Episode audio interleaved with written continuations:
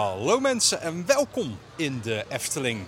Mijn naam is Simon de Bruin en in de Team Park Adventure Stories podcast ga ik vandaag een uh, heel groot project in de Efteling behandelen. Het zal iedereen niet ontgaan zijn. Het spookslot dat gaat verdwijnen.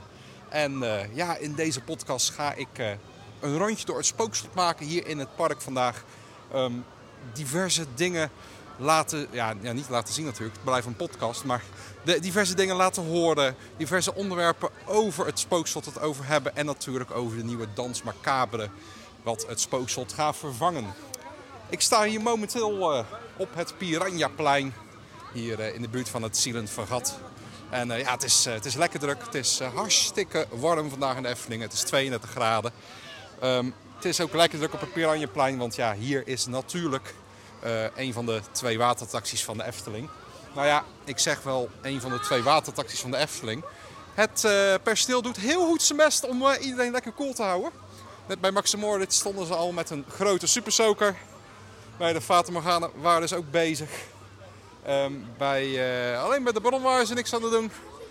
bij de Vliegende Hollander, ja dat is natuurlijk sowieso al een waterattractie. Um, maar overal supersokers, tuinslangen. Maar net bij, uh, bij de Python, daar uh, namen ze even het voortouw. Ik uh, werd klem gezet in de beugel en daarna kwamen ze, voordat je vertrok, met de gieten langs. En nou ja, ze herkenden me. En op de terugweg, toen bleef als enige in de trein mijn beugel dicht. En toen kreeg ik nog een verfrissende emmer water over me heen. En uh, ja, dat was denk ik het natste ritje Python uh, wat ik ooit in mijn leven heb gemaakt. Maar vandaag is dat hartstikke lekker. Ik ben alweer bijna helemaal opgedroogd. En uh, het, ja, het is 32 graden, zomeravondje de Efteling. Heerlijk. En dat is vind ik wel een van de fijnste momenten om in de Efteling te zijn. Van die lekkere zomeravondjes. Gewoon Um, een paar uurtjes het park in na werk. En uh, gewoon lekker een avondje genieten van de Efteling in de zomer. En ja, door de temperatuur vandaag is het ook totaal niet druk in het park. Alles is maximaal 5 of 10 minuutjes. Ik heb net uh, de Baron gedaan met uh, 5 minuten wachten. De Python was direct instappen. Alleen niet direct uitstappen. Daar moest eerst een emmer voor over mijn kop. Maar dat was lekker. Dat was gezellig. Dat was heel erg nat.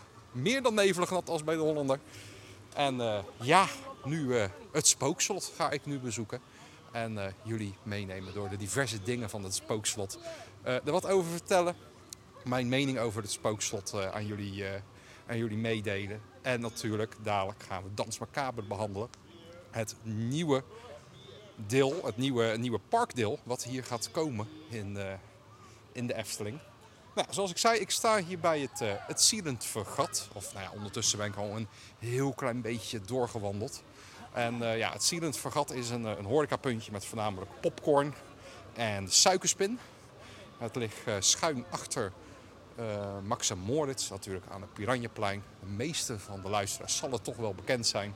En dit horecapuntje, dat gaat verdwijnen. Dit gaat sluiten. En ja, dat, dat moet plaatsmaken voor de de nieuwe themazone rond Dans Macabre. Ja, een horecapuntje waar ik persoonlijk uh, niet heel veel eet. Ze hebben een aanbod aan suikerspin, popcorn, uh, diverse dranken, warme en koude dranken, kaasbroodjes, uh, appelflappen, wat ijsjes. Voor vandaag wel lekker ijsjes, maar ja, normaal niet echte dingen die ik nou zozeer koop in de Efteling. Het is een horecapuntje die ik niet heel vaak gebruik. Eigenlijk nooit. Dus echt missen, dat ga ik het Silent Vergat niet. Dus ja, um, nee, nee, nee. Ik, uh, ik vind het niet het mooiste horecapuntje van de Efteling meer. Het is wel de typische natuurlijk, die typische Efteling-stijl is er natuurlijk een opgetrokken. Met uh, natuurlijk die, ja, dat, uh, dat bordes met dat, dat Eftelingse groen. Beetje het barongroen natuurlijk. En natuurlijk de tierenlantijntjes overal omheen. En natuurlijk is het bord wel heel erg mooi met, met de boot van het Silent Vergat. Maar ja, thematisch um, past het ook niet helemaal in deze zon. Want het, zit dadelijk, ja, het is een zeilend vergat. Het ligt tegenover een Zuid-Amerikaanse zone. Bij een, uh, een, spookhuis in de buurt, een spookslot, een spookzone tegen Maximoord staan. Het is thematisch een beetje een uh, mengelmoesje, het Silent Vergat. En ja, buiten het bord en de naam is is het thematisch, is het gebouw dan ook niet heel bijzonder speciaal. Hier eh, aan de achterkant bevindt zich ook nog een personeelskantine. Die zal ook eh, gaan wijken. En ik neem aan dat daar wel een, eh, een passende vervanging voor komt. Elders in het park of in de nieuwe themazone hier rond het spookslot. Nou, ik loop nu ietsje verder. Richting het spookslot uiteraard. Op het pleintje bij de Witte Walvis en de toiletgroep hier. de Witte Walvis is ja, nog een horecapuntje. Eentje die zit in het gebouw van het spookslot. Maar ja, die is eigenlijk nooit meer open. Ik kan me niet herinneren dat ik de Witte Walvis een keertje heb open gezien in de afgelopen tijd. En ik kan me sowieso niet herinneren dat ik ooit iets gekocht heb. Wat ze er verkopen, ik zou het eerlijk gezegd niet eens weten. Ik denk koffie en thee of zo. We lopen nu even heen de witte walvis. Er staat corona extra achter de ramen, hoog gestapeld met kratten. Naast, uh, naast de witte walvis heb je natuurlijk een, uh, een uh, toiletgroep. Met dames en heren toiletten. In het gebouw van het spookslot. In ook de stijl van het spookslot. Heel spooky ziet het eruit. Met een, als bordjes een, een oude oma die aan het zitten is op het toilet. En aan de andere kant een meneer die met zijn rug naar je toe staat. Met een hele hoge hoed op. De andere kant van de Witte Walvis, bij de uitgang van het spookslot, daar heb je bij Jonas. En dat zijn uh, ja, een soort kleine luikjes met een, uh, een soort displaytje erin. Met ja, wat ik zou kunnen willen omschrijven als Halloween-attributen, spookslot-attributen. Ik weet de precieze geschiedenis van dit luikje niet, eerlijk gezegd. Ik neem aan dat hier ooit wel eens een verkooppuntje heeft gezeten. Daar vind ik het op lijken. Ja, nu staan er ja, diverse skeletten liggen er. Er uh, ligt, een hand. Er zit een heel klein muisje met een skelet van een muisje dan. Um, ja, ik zou het willen omschrijven als Halloween-decoratie. Goedkope Halloween-decoratie. Hangt een, een, een, een heksen, een heksenbezem met een heksenhoed. Nog een heksenbezem, een oude kaars. Er staat hier ook een grafsteen. Misschien is dat er wel eentje uit het spookslot geweest of uit de show. Dat weet ik niet eerlijk gezegd. Maar het zou zomaar kunnen. Nou, wat dit, uh, dit plein natuurlijk typeert, dat zijn je hele hoge, mooie, grote bomen. En ja, de recente projecten van Efteling die hebben toch wel gezien dat die heel vaak moeten wijken en dat vind ik heel erg jammer. Want je kan zoveel meer doen om die bomen te beschermen tijdens een bouwproces. Ik snap dat je niet alles kan bewaren, dat de bomen moeten wijken. Maar ik hoop wel dat ze deze keer wat bomen gaan bewaren. Want ja, dat, dat is toch wel, toch wel heel erg jammer af en toe dat er zoveel gekapt wordt in de Efteling. Uh, als je hier even naar de voor mij nu rechterhand kijk, dan kijk je richting Maxim Moritz. En dan uh, ja, zie je de asfaltvlakte die achtergebleven is na de bouw van Maxim Moritz, die ze nu gaan hergebruiken. Maar ja, hier was natuurlijk eerst het bosgebied van de Bob. Bomen die er ruim 30 jaar over gedaan hebben om zo groot te worden. Daar is niks meer van over. Het is nu een kale vlakte. En uh, ja, die kale vlakte gaan ze nu hergebruiken. Voor wederom een, uh, een bouwterrein. De groene, groene loods die zijn inmiddels geplaatst. Maar ja, ik vind het toch jammer dat de Efteling zo rigoureus alles kap. Ik zou toch zeggen dat er meer boombehoud is.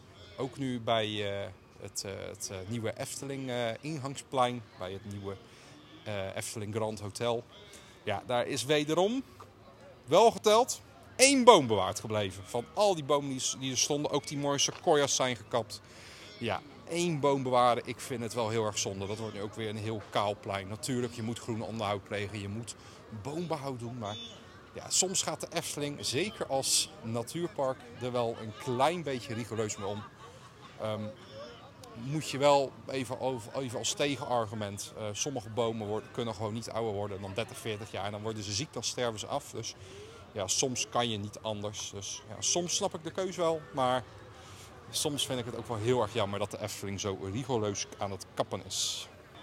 Je hebt hem uh, misschien al uh, in de opname gehoord, want hij is flink, flink aan het praten. Maar matroos, matroos Gijs staat ook aan dit park. Papier, hier. Papier, hier. Papier hier. Papier hier. Matroos Gijs is natuurlijk een van de hollebolle gijzen hier in de Efteling. En eh, ja, die staat hier in een eh, klein, eh, ja, klein stenen muurtje staat hier, staat hier Gijs met een schilderij van een schip boven zich. Gijs als matroos van honger schild slikt van alles door zijn keel. Hangt er op het bordje ernaast. Ik ga even weg bij, eh, bij matroos Gijs, anders gaan eh, jullie luisteraars echt gierend gek worden. Ehm, hier op de rest van het plein eh, ja, staan van die, van die ronde bankjes. En wordt vaak als zitgelegenheid gebruikt. Nou ja, dit hele gebied dat, gaat natuurlijk ja, plat. Waarbij ik hoop, ja, er is gezegd dat ze aan boombehoud gaan doen. Dus laten we het even hopen dat er wat bomen behouden gaan blijven van dit prachtige plein. Want ja, eh, voordat de bomen weer zo mooi en groot en zo'n dicht wolkendek heb, heeft. En dat het zo'n spooky uiterlijk heeft. Ja, dat gaat toch wel minimaal weer 30, 40 jaar duren als er hier alles gekapt gaat worden. En ja, dat is toch echt wel iets waarvoor ik ga vrezen. Ehm, dit hele gebied, dat, eh, ja, dat, eh, daar is eh, nu projectontwikkeling dus op opgaande. Met het Spookslot en Dans Macabre als grootste aanleiding en grootste project erin. Het hele gebied dat gaat het Huiverwoud heten. En het Huiverwoud, dat vind ik eerlijk gezegd wel een hele, hele chique Eftelingse naam. Dat vind ik echt het per- perfecte, misschien wel het perfecte woord wat ze hiervoor hadden kunnen kiezen. Het, het Huiverwoud, ja, dat, dat, nou, dat vind ik wel dat daar mooie bomen in bewaard mogen blijven, eerlijk gezegd. Want eh, anders is het geen woud. Dan heb je een asfaltvlakte, zoals hier naast bij Max Moritz. Nou, ik ga stoppen over bomen kappen en bomen zeuren. Ehm, ik vind de natuur hier in de Efteling prachtig en op zich doen ze wel goed bomenonderhoud. En het Spookjesbos is jaren geleden ook rigoureus gekapt. Echt rigoureus is daar gekapt. Ehm, ergens 2000, god moet ik ergens in mijn geheugen, ergens tussen 2005 en 2010 ergens in die richting. Heel flink gekapt en dat zie je nu ook niet meer terug. Dus ja, het, het heeft gewoon wat jaar nodig voordat het allemaal weer terug is. Ja, ik ga nu eh, richting de ingang van het spookslot. Ik ga dus langs het toilet unit eh, de donkere gang in van het spookslot. Overigens, als je hier eh, omhoog kijkt, zie je een klein raampje zitten. En daar kan je een TL, TL-buisje door zien branden. Daar zit een personeelsruimte, een uh, personeelskantoortje, slechts pauzeruimte. Wordt tegenwoordig niet heel veel meer gebruikt. Eigenlijk alleen nog maar door de, de, de directe medewerkers in deze omgeving zelf. En natuurlijk de medewerker die het spookslot op dat moment aan het draaien is. Ik loop nu door eh, de overdekte gang, overdekte corridor van het spookslot. Deze gang heeft eh, ja, best wel een belangrijke functie, vind ik eerlijk gezegd, in het park. Want het is echt een heel mooi doorvoerkanaal kanaal van de paden tussen Symbolica en naar de Piranha toe. Het is een klein spooky gangetje, maar niet donker genoeg met een hele mooie kandelaar ook. Waar de ledverlichting eh, zorgt voor dat het net eh, kaarsjes lijken. Ooit tijdens de Winter Efteling zijn hier nog eh, projecties geweest. En spookprojecties zwaarden hier, d- dwaalden hier door, door de gangen tijdens de Winter Efteling. Jammer eh, dat dat de laatste jaren niet meer terug is gekomen. Ehm, was in hetzelfde jaar geïntroduceerd als ook bijvoorbeeld de projectieshow op de Villa Volta. Ondertussen ben ik hier eh, gearriveerd op het voorplein van het spookslot. En dan wil ik toch heel even die natuur terughalen. Want ehm, ik vind het, denk ik, zeker in de avond, een van de mooiste stukjes Efteling. Heel sfeervol, heel mooi verlicht in de avond. En een van de weinige punten waar de Efteling echt nog 100% natuurpark de Efteling is, in mijn mening. Natuurlijk, het hele park staat vol met bomen, maar waar je echt een stukje in de natuur waan, dat is naar mijn mening hier. Nou, eh, hier heb je natuurlijk eh, een poort, een ijzeren poort met gebogen bogen staal, wat er eh, een echt hele oude poort is. En dat is natuurlijk de poort naar de Pardo- Pardoespromenade. En ja, die gaat de komende jaren, komende anderhalf jaar, twee jaar, gaat die gesloten zijn, die poort. Want eh, ja, de, hele boel hier, dat gaat natuurlijk eh, verbouwd worden. Ik weet niet hoe het precies zit met de ingang van Fabula, die natuurlijk ook aan dit plein zit. Best wel grote kans dat, eh, dat dit plein natuurlijk, ja, oh, nou ja, het, natuurlijk wordt het heringericht, want het hele gebouw gaat dan deze kant weg. Maar ik ben heel benieuwd hoe ze dat dadelijk met, met de ingang van Fabula gaan zien. De ingang van Dans Macabre, de nieuwe attractie, die komt aan de andere kant te liggen dan, eh, dan deze ingang. Dus ja, het is dadelijk wel een beetje van elkaar gescheiden. Dat is misschien wel beter ook als je kleine themazones wil gaan ontwikkelen. Zoals de Efteling natuurlijk de afgelopen tijd heeft gedaan met de Max zone. En met de Sirocco zone. Met, eh met Simbad. De werelden van Simbad. Dan heb je daar toch iets meer afgescheiden. Dat hier eh Fabula aan één kant is en het spookslot of Dans Macabre dadelijk aan de andere kant. Ik sta hier natuurlijk eh, nu eh, bij, eh, bij de put. Die momenteel helemaal is dichtgemaakt.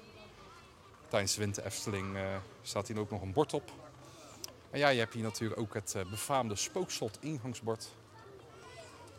Heel fraaie houten met, met van, van die boom met schors gemaakt. Alsof het echt heel lang geleden gemaakt is. Een, eh, een paal met een, eh, een uitsteeksel en daaraan het, eh, het spookslotbord. Aan dit bord kan je wel zien dat, dat hij al even hangt, dat hij al even niet is opgeknapt. Aardig wat deukjes zitten erin en butsen. Je ziet een, een spookfiguurtje aan de bovenkant en dan het spookslot met eh, ootjes. Met, ja, de, de, de ogen die hebben een soort, soort ootjes erin, als, als ogen. Dus een puntje als ogen. De ootjes hebben ogen. Alsof je wordt aangestaard door het spook van het spookslot. Nou, ach- daarachter bevinden zich eh, hele mooie hoge bomen. En daarachter natuurlijk de hele hoge toren van het spookslot, half afgebrokkeld. Helemaal overwoekerd door planten. En eh, hiervoor de diverse grafzuilen. Die eh, duidelijk al eh, heel wat eeuwen hier liggen. De ingang van het spookslot dan. We gaan richting de attractie.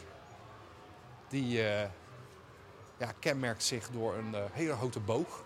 Met heel fraai steenwerk. En dan ja, twee soort draakachtige figuren die, die naar elkaar staan te staren. En daar midden een man tussen. En daarboven ook uit steen een, een spookgezicht. Daarboven zie je een, eh, een raamwerk. En eh, wat mij opvalt is dat daarachter stenen opgestapeld liggen alsof het is ingestort. Nou, daarnaast zie je een, eh, een klein deel eh, ja, de, de ouderdom van een spookslot zichzelf al verraadt. Want dit deel is daadwerkelijk ingestort. Hier, ja, hier is een deel van het metswerk is weggehaald. En zie je het betoneisen al heel, heel wat jaren zie je betoneisen zitten en het kale beton. Ik moet zeggen, je oog moet er maar opvallen. Heel erg opvallend is het niet. Misschien past het zelfs wel bij het kasteeltje. Maar eh, ja, het, is toch wel eh, ja, jammer dat, eh, dat het is afgebroken natuurlijk al die jaren geleden. Ja, ik loop nu langzaam het spookslot binnen. En ja, de eerste ruimte hier, door de deuren, wordt je allereerst aangeraden te passen op uw beurzen en uw tassen met een groot bord. Er wordt hier ook gevraagd om niet te roken, alstublieft. Dat is uiteraard heel fijn in binnenruimtes. Maar dit is echt zo'n klassiek jaren 80 Efteling bordje. Ja, toen werd er natuurlijk nog heel veel meer gerookt. Ja, ik loop nu rechtdoor en het wordt hier langzaam steeds donkerder. En het eerste wat je eigenlijk tegenkomt in het spookslot, dat is mijn, eh, mijn favoriete ding misschien wel van het spookslot. Dat is namelijk dit. De neppe deur van het spookslot. Ehm, ooit zal het echt wel mensen hebben gefopt. Dat je door deze deur moet. En de deur gaat niet open, maar hij boun- bounce naar achter. En dan gaat er een soort belletjes of eh, ijzeren dingen die, eh, ja, die gaan rammelen, waardoor je een schrik-effectje hebt.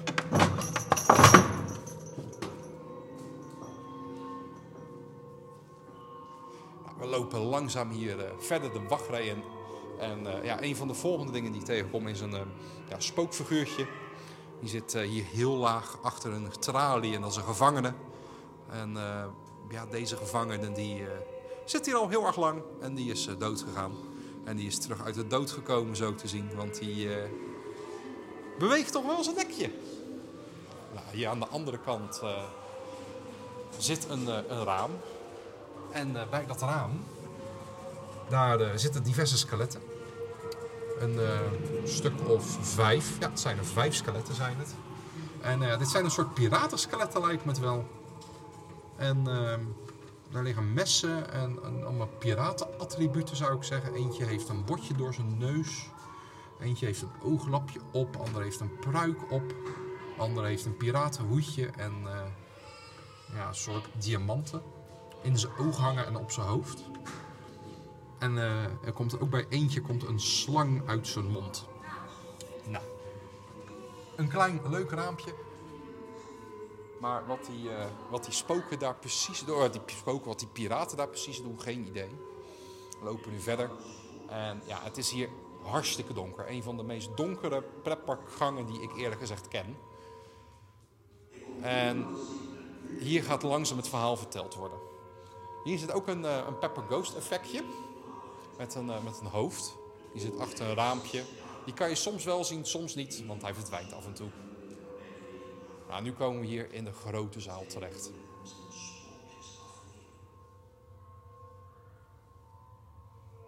Op zekere kwade dag, toen de heks zich op hoofdtocht vermomd had als een ongebluste jonge maagd, werd zij betrapt door de hovenier van kasteel de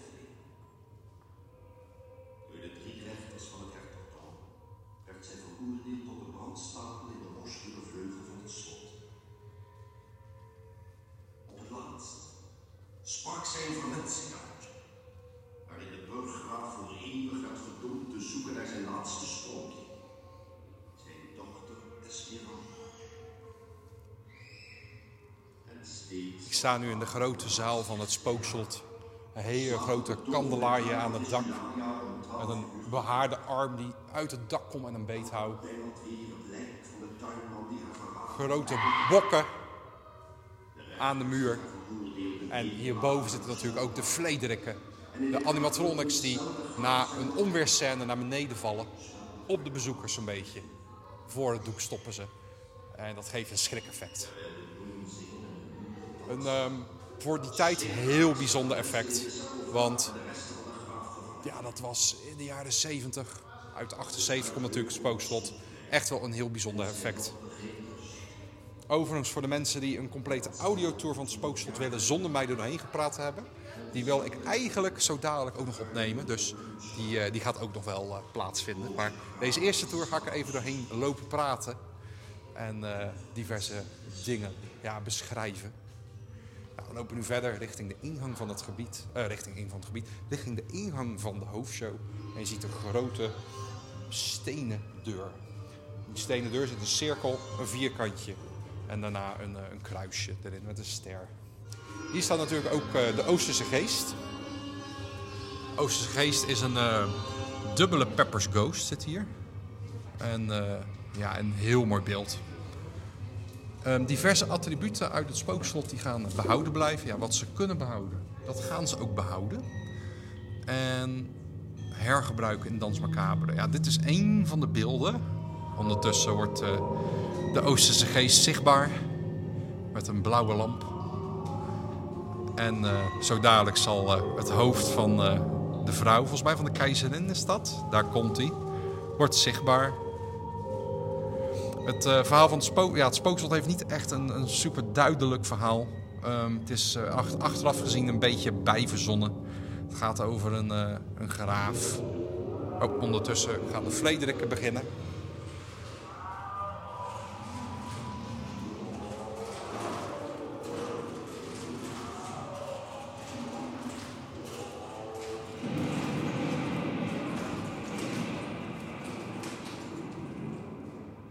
Snel tussendoor, maar dat blijft wel een eh, heel mooi effect. Ik ben benieuwd of die nog terug gaan komen. Ik kan me zomaar voorstellen dat ze in het dak van Dans terug gaan keren. Al zullen nog niet precies dezelfde poppen zijn, maar een nieuwe versie daarvan. Tussen horen we de bas van de, van de hoofdshow. En eh, de Oostergeest is weer donker geworden. En ehm, ja, blijft een heel mooi beeld. Een van de mooiste beelden vind ik die Efteling heeft. Ik hoop heel erg dat ze hem gaan hergebruiken in Dans Macabre. Ja, het verhaal van de spookslot had ik het zojuist over. Dat is toch wel een beetje vaag.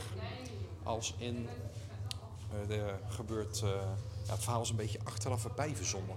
Het spookslot is gewoon gebouwd als spookslot. eh, zonder echt een duidelijk verhaal. En het verhaal is een beetje achteraf bij verzonnen. Ehm, later deze podcast zal ik het verhaal nog heel even iets dieper op ingaan. En eh, dan kan ik hopelijk er iets meer over vertellen. Nou, zo dadelijk gaan die, eh, die grote stenen muren die gaan open. En dan eh, kan ik hier de voorshow in. Zoals ik zei, de wachtrij van het spookslot is super donker. Maar dan ook echt donker. Je ogen moeten echt heel even wennen. Voordat, eh, voordat ze ja, weten waar je... voordat ze weten waar je... ja, je ogen moeten echt heel even wennen aan het donker voordat ze achter alles goed kunnen zien. Ja, we staan hier dus nu bij de ingang. Hiernaast eh, zit eh, een andere deur, een personeelsdeur, naar de bedieningsruimte van, van het spookslot. Een paar jaar geleden heb ik een rondleiding door het spookslot gedaan. En eh, ja, dat was wel een hele bijzondere ervaring. Daar zal ik later in de podcast nog iets meer over vertellen. Over de backstage bij deze attractie. Want eh, dat heeft natuurlijk een beetje te maken met waarom deze attractie weggaat uit de Efteling. Want ja, als je hier eenmaal één keertje backstage bent geweest, dan snap je 100% waarom deze attractie weggaat. Want hoe mooi alles ook is, en ik zeg hele mooie stenen schuur, eh, stenen deur, hele mooie stenen deur.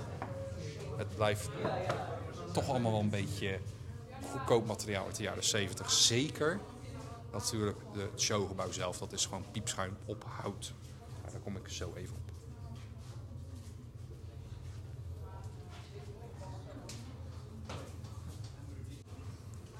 De deur gaat open. We betreden de ruimte van de hostshow van het spookslot. Ik ga een keertje vanaf de hoofdetage kijken. Er zijn eh, drie etages. Je hebt de benedenverdieping direct aan het raam. Heb je de tussenverdieping en de hoogste verdieping.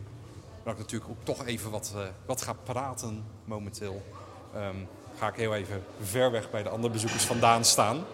Zodat, eh, zodat ik niet echt overlast geef voor de rest van, eh, van de mensen hier. Moet alleen niet iedereen achter me aan blijven lopen. dat is niet heel handig. Zo, ik ben ondertussen weg. De hoofdshow is gestart. Het begin van de spookslot is natuurlijk heel, eh, ja,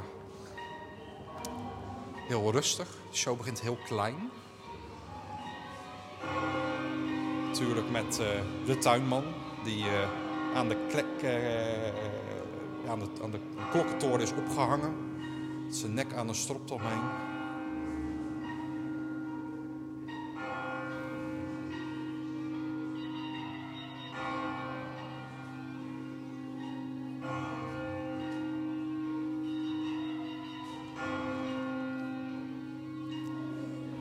Het decor van het spookslot is echt hartstikke mooi. Nog steeds. Ondanks de goedkope materialen waarmee het gemaakt is. Ondanks dat het er al sinds 1978 staat. Kan het nog steeds heel goed mee met de huidige tijd, vind ik. Misschien de attractie aan zich als concept niet, maar de thematisering, de niveau van thematisering wel. Daartussen gaan eh, de beelden praten en je hoort de rechters op de achtergrond. De rechters zijn eh, ja, de drie, eh, de drie eh, mannen die bovenin zitten. Bovenop het dakje, zeg maar. Van het midden in het spookslot. En dan gaan nu de monniken gaan bewegen. De kaarsen in de handen. Richting, ja, richting lopen ze door de gang, zullen we maar zeggen. Langzaam gaan er meer lampen aan. En dan gaan we natuurlijk dadelijk, zodra de monniken zijn weggelopen uit de gang. Wat een heel tof effect is trouwens. Wat een heel complex effect is, omdat het natuurlijk allemaal aan kleine visdraadjes beweegt. Dat is echt oudje touwtje werk. Maar voor de tijd hartstikke mooi gemaakt natuurlijk. Gaat eh, zo dadelijk de deur open en dan keihard dichtvallen. Maar ja, die bewonderingswaarde, die, die, die techniek, die oude techniek waar dit spookslot van is gemaakt, die is heel bewonderingswaardig.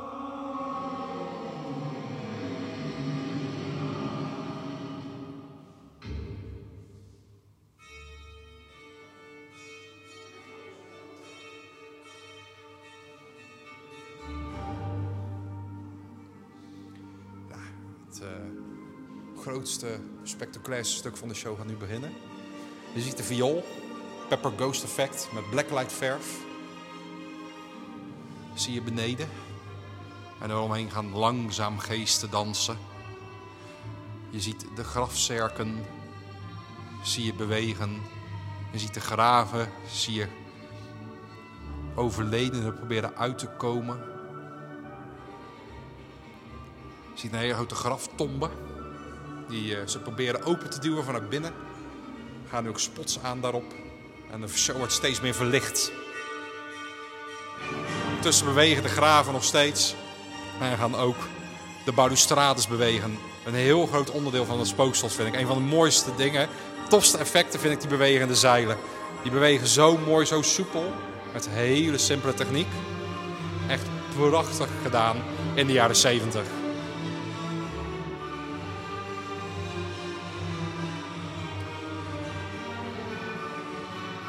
Gedurende de show gaan er steeds meer attributen gaan er bewegen.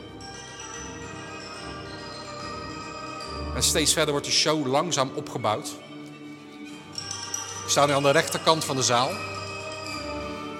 En als ik naar de andere kant kijk, dan zie ik een uh, graferker opengaan. En die valt ook echt open. En daar kruipt een hand uit. En daarna komt een vrouw omhoog uit het graf opstaan. Nou, hoe ze die beweging hebben gemaakt met die graf dat eraf gaat, heel erg mooi. En ook hier aan de rechterkant, dus uiteindelijk de graftombe is open en is een skelet omhoog uitgekomen. Ondertussen zien we de dochter van de gravin, is het volgens mij, zien we op een pijnplank liggen. En het vuur gaat aan. En ze wordt in vlammen gezet. Ook dit effect is een pepper ghost. Die vrouw uh, is net verschenen en zal dadelijk weer langzaam wegappen. Ondertussen dansen de geesten beneden rond. Probeert de skelet nog steeds uit zijn graftombe te komen. Is de vrouw ondertussen opgestaan uit de dood. De deurtjes proberen te openen. Er zitten spots achter die gaan aangeven of het er vuur zit.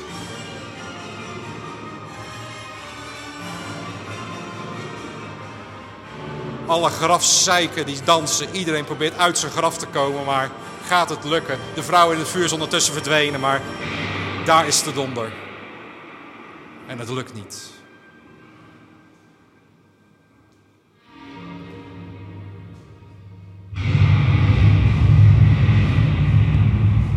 De krachtige subwoofers hier, die echt een rollend geluid geven. En dan is er daarna nog één spotje over op een paar skeletten. En de laatste viool die voor het laatst zal spelen. Deze viool is natuurlijk een uh, passend einde hier uh, van het spookslot. Een uh, viool die gaat terugkeren ook in Dans Macabre. Natuurlijk in een nieuwe vorm. En ja, uiteraard is de muziek die we juist gehoord hebben. Een van de topstukken hier in de Efteling qua muziek. En die gaat heel gelukkig terugkomen, deze muziek. Gaat de lampen aan.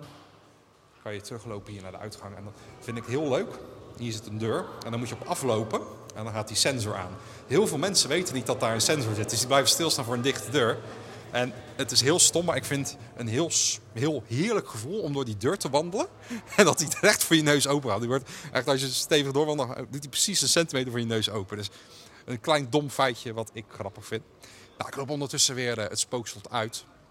En dan uh, ga je een groot pad naar beneden.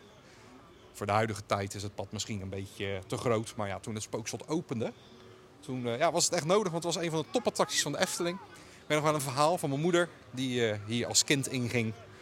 En ja, toen stonden er gewoon ja, rijen van dik een uur, anderhalf uur om het spookslot in te komen. Het was echt een van de topattracties hier in de Efteling. Um, terecht overigens ook in de jaren 70, want dat was echt een technologisch wonder, het spookslot, toen het geopend werd.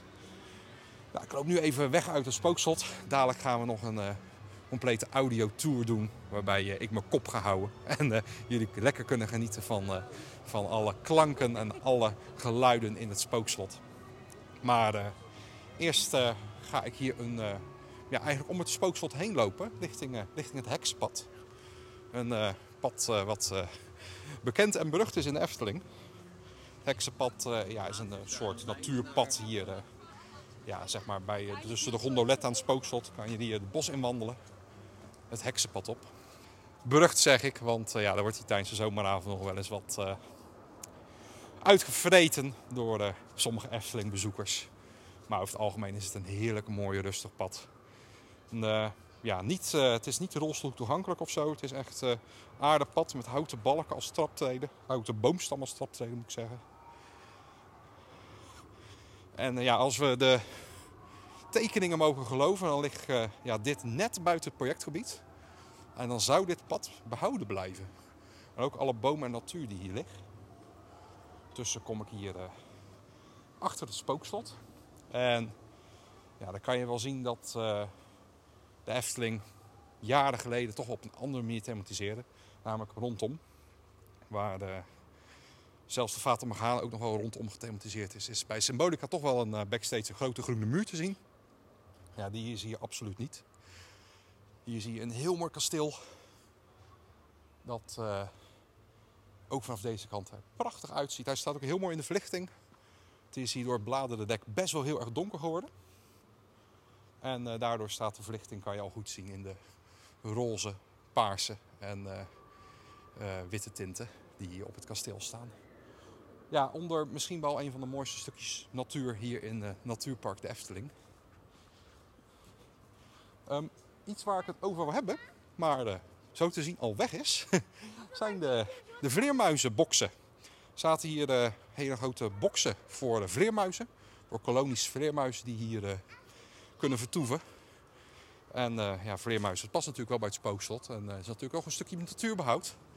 Maar eh, die vleermuizenboksen die zijn zo te zien al weggehaald.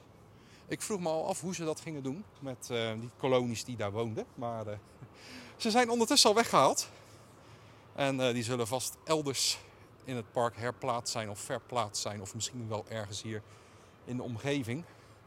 Ik zie ze niet direct ergens, eerlijk gezegd. Maar de Efteling kennende hebben ze daar een heel, eh, hele mooie oplossing en een hele natuurvriendelijke oplossing voor gevonden.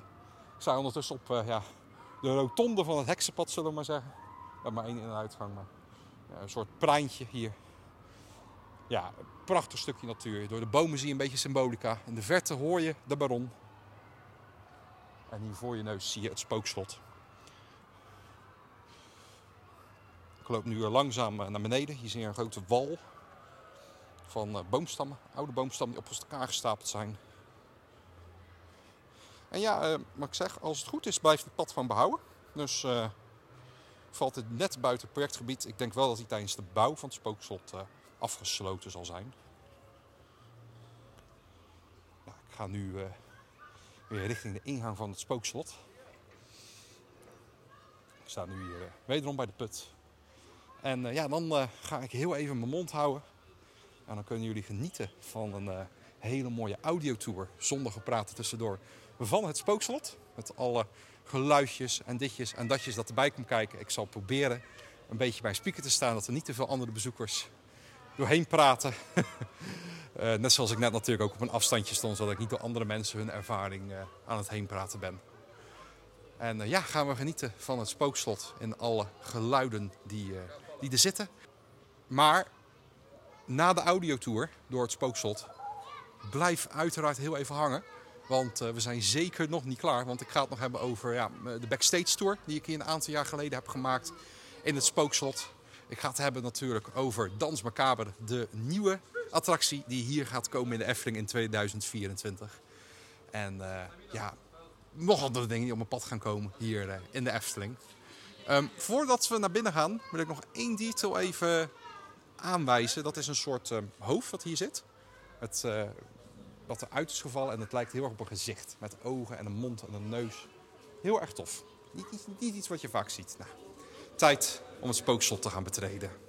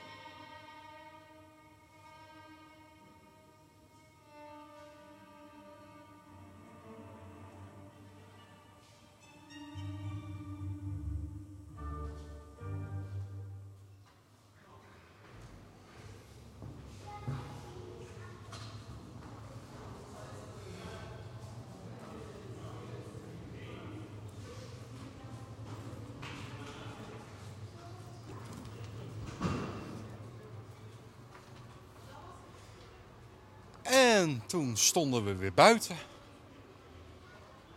Dat was de complete audiotour van het spookslot. Van begin tot einde. Zoals je de attractie zou beleven als gast.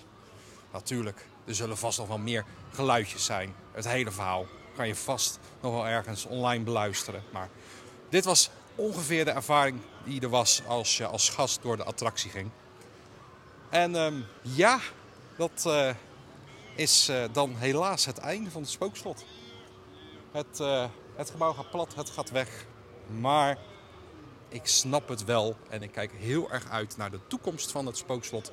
En wat er dadelijk gaat komen in 2024 en naar al die spannende ontwikkelingen. En ja, daar gaan we het uh, nu over hebben. Natuurlijk over Dans Macabre, de gebiedsontwikkeling die plaats gaat vinden. Mijn verwachtingen um, over Dans Macabre. En um, ja, misschien nog een paar laatste herinneringen ophalen aan het spookslot. En ik ga natuurlijk even vertellen over mijn backstage ervaring hier in het spookslot. Maar dat ga ik even doen in, uh, in mijn thuisstudio en niet hier in de Efteling. Want daar heb ik toch even alle gegevens wat beter paraat. Alle bouwtekeningen die natuurlijk al bekend zijn. En daar kan ik natuurlijk een heel stuk beter alles beargumenteren. En, uh, en, en, uh, en, en, en, uitdenken en podcasten dan hier vanuit het park. Maar ja, dit was een hele, hele mooie beleving hoop ik. En ik heb hier vanuit het park in ieder geval hartstikke naar mijn zin gehad om even twee keer het spookslot achter elkaar te doen. Voordat wij naar mijn thuisstudio gaan om deze podcast voor te zetten, kan je ook nog heel even naar teamparkadventures.nl. Want op teamparkadventures.nl kan je naar allemaal andere social media. En uh, ja, dan kan je bijvoorbeeld naar YouTube, je kan naar TikTok, je kan bijvoorbeeld op Instagram, Twitter. Alle social media kanalen staan op teamparkadventures.nl vermeld. Uiteraard is er ook een video over de sluiting van het spookslot. Dus uh, ja, wil je deze podcast nog een keertje herbeleven op een andere manier met beeld erbij, wil je ook het spookslot, echt zien. Ga richting YouTube, daar staat ook een hele grote video over de sluiting van het spookslot. Die zal ondertussen ook al online staan. En um, ja, heb jij uh, nou iets wat je wil zeggen over deze podcast, wil je een berichtje aan me kwijt of dergelijke, dan kan je het contactformulier gebruiken op uh, de website teamparkadventures.nl. En dat uh, wijst zich allemaal vanzelf. Dan kan je me een berichtje sturen met al je vragen, je klachten of je mededelingen. En dan zal ik het de volgende keer in een volgende podcast proberen mee te nemen. Of in een video of op, op een mailtje terug. Iets in die richting. Teamparkadventures.nl voor alle social media kanalen en berichtjes. Nou, ondertussen loop ik hier langs de toekomstige bouwplaats.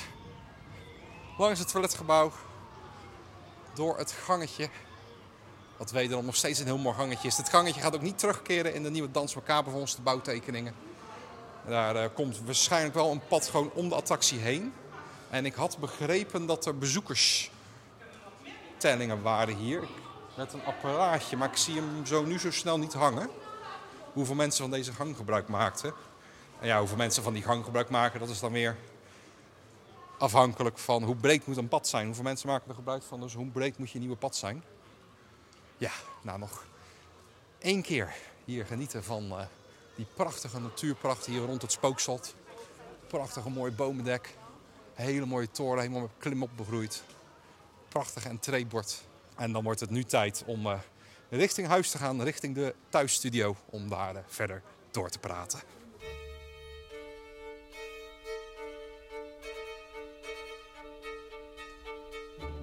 Ja, daar ben ik dan. Ik ben weer thuis na mijn bezoekje in de Efteling.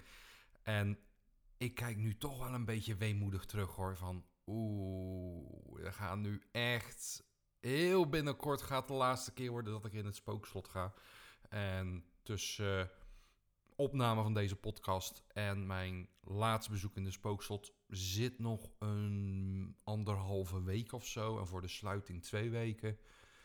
En uh, als ik nu denk van oeh, oeh, oeh, oeh, dan gaat toch wel een heel mooi stukje Efteling uh, dadelijk verloren. Maar ja, we moeten er maar mee gaan leren leven. Want vernieuwing is af en toe nodig. Zoals Walt Disney ooit heel beroemd heeft gezegd: Disneyland is not een museum, is de Efteling ook geen museum. Ook al zouden we het nog zo graag willen. Ook al zou het nog zo graag willen, de Efteling is geen museum. Op het Efteling Museum na natuurlijk, midden in het park.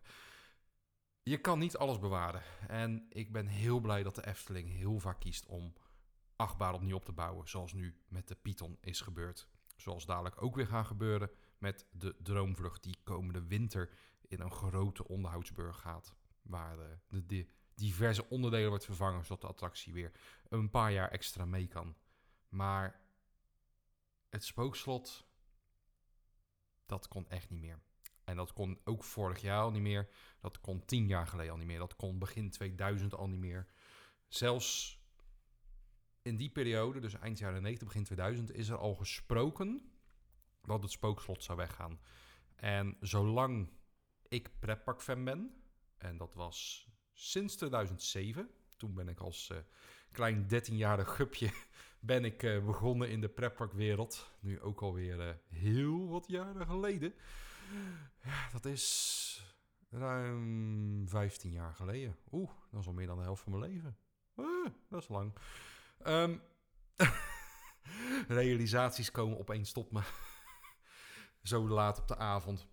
Nee, maar um, zolang ik al pretpark-fan ben, sinds 2007, hoor ik elk jaar al wel een gerucht van ja, het spookslot, dat gaat niet lang meer duren. Het is nog een paar jaar en dan gaat hij weg.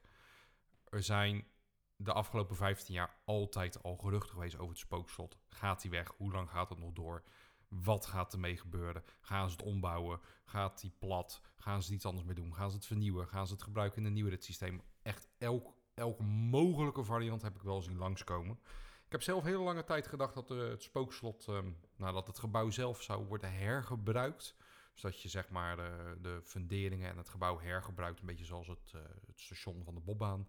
Maar dat de voorshow, uh, dat de voorshow, dat de show en dergelijke, die dan als voorshow gebruikt zou kunnen worden, compleet nieuw opgebouwd zou worden. En veel kort als voorshow voor een andere attractie.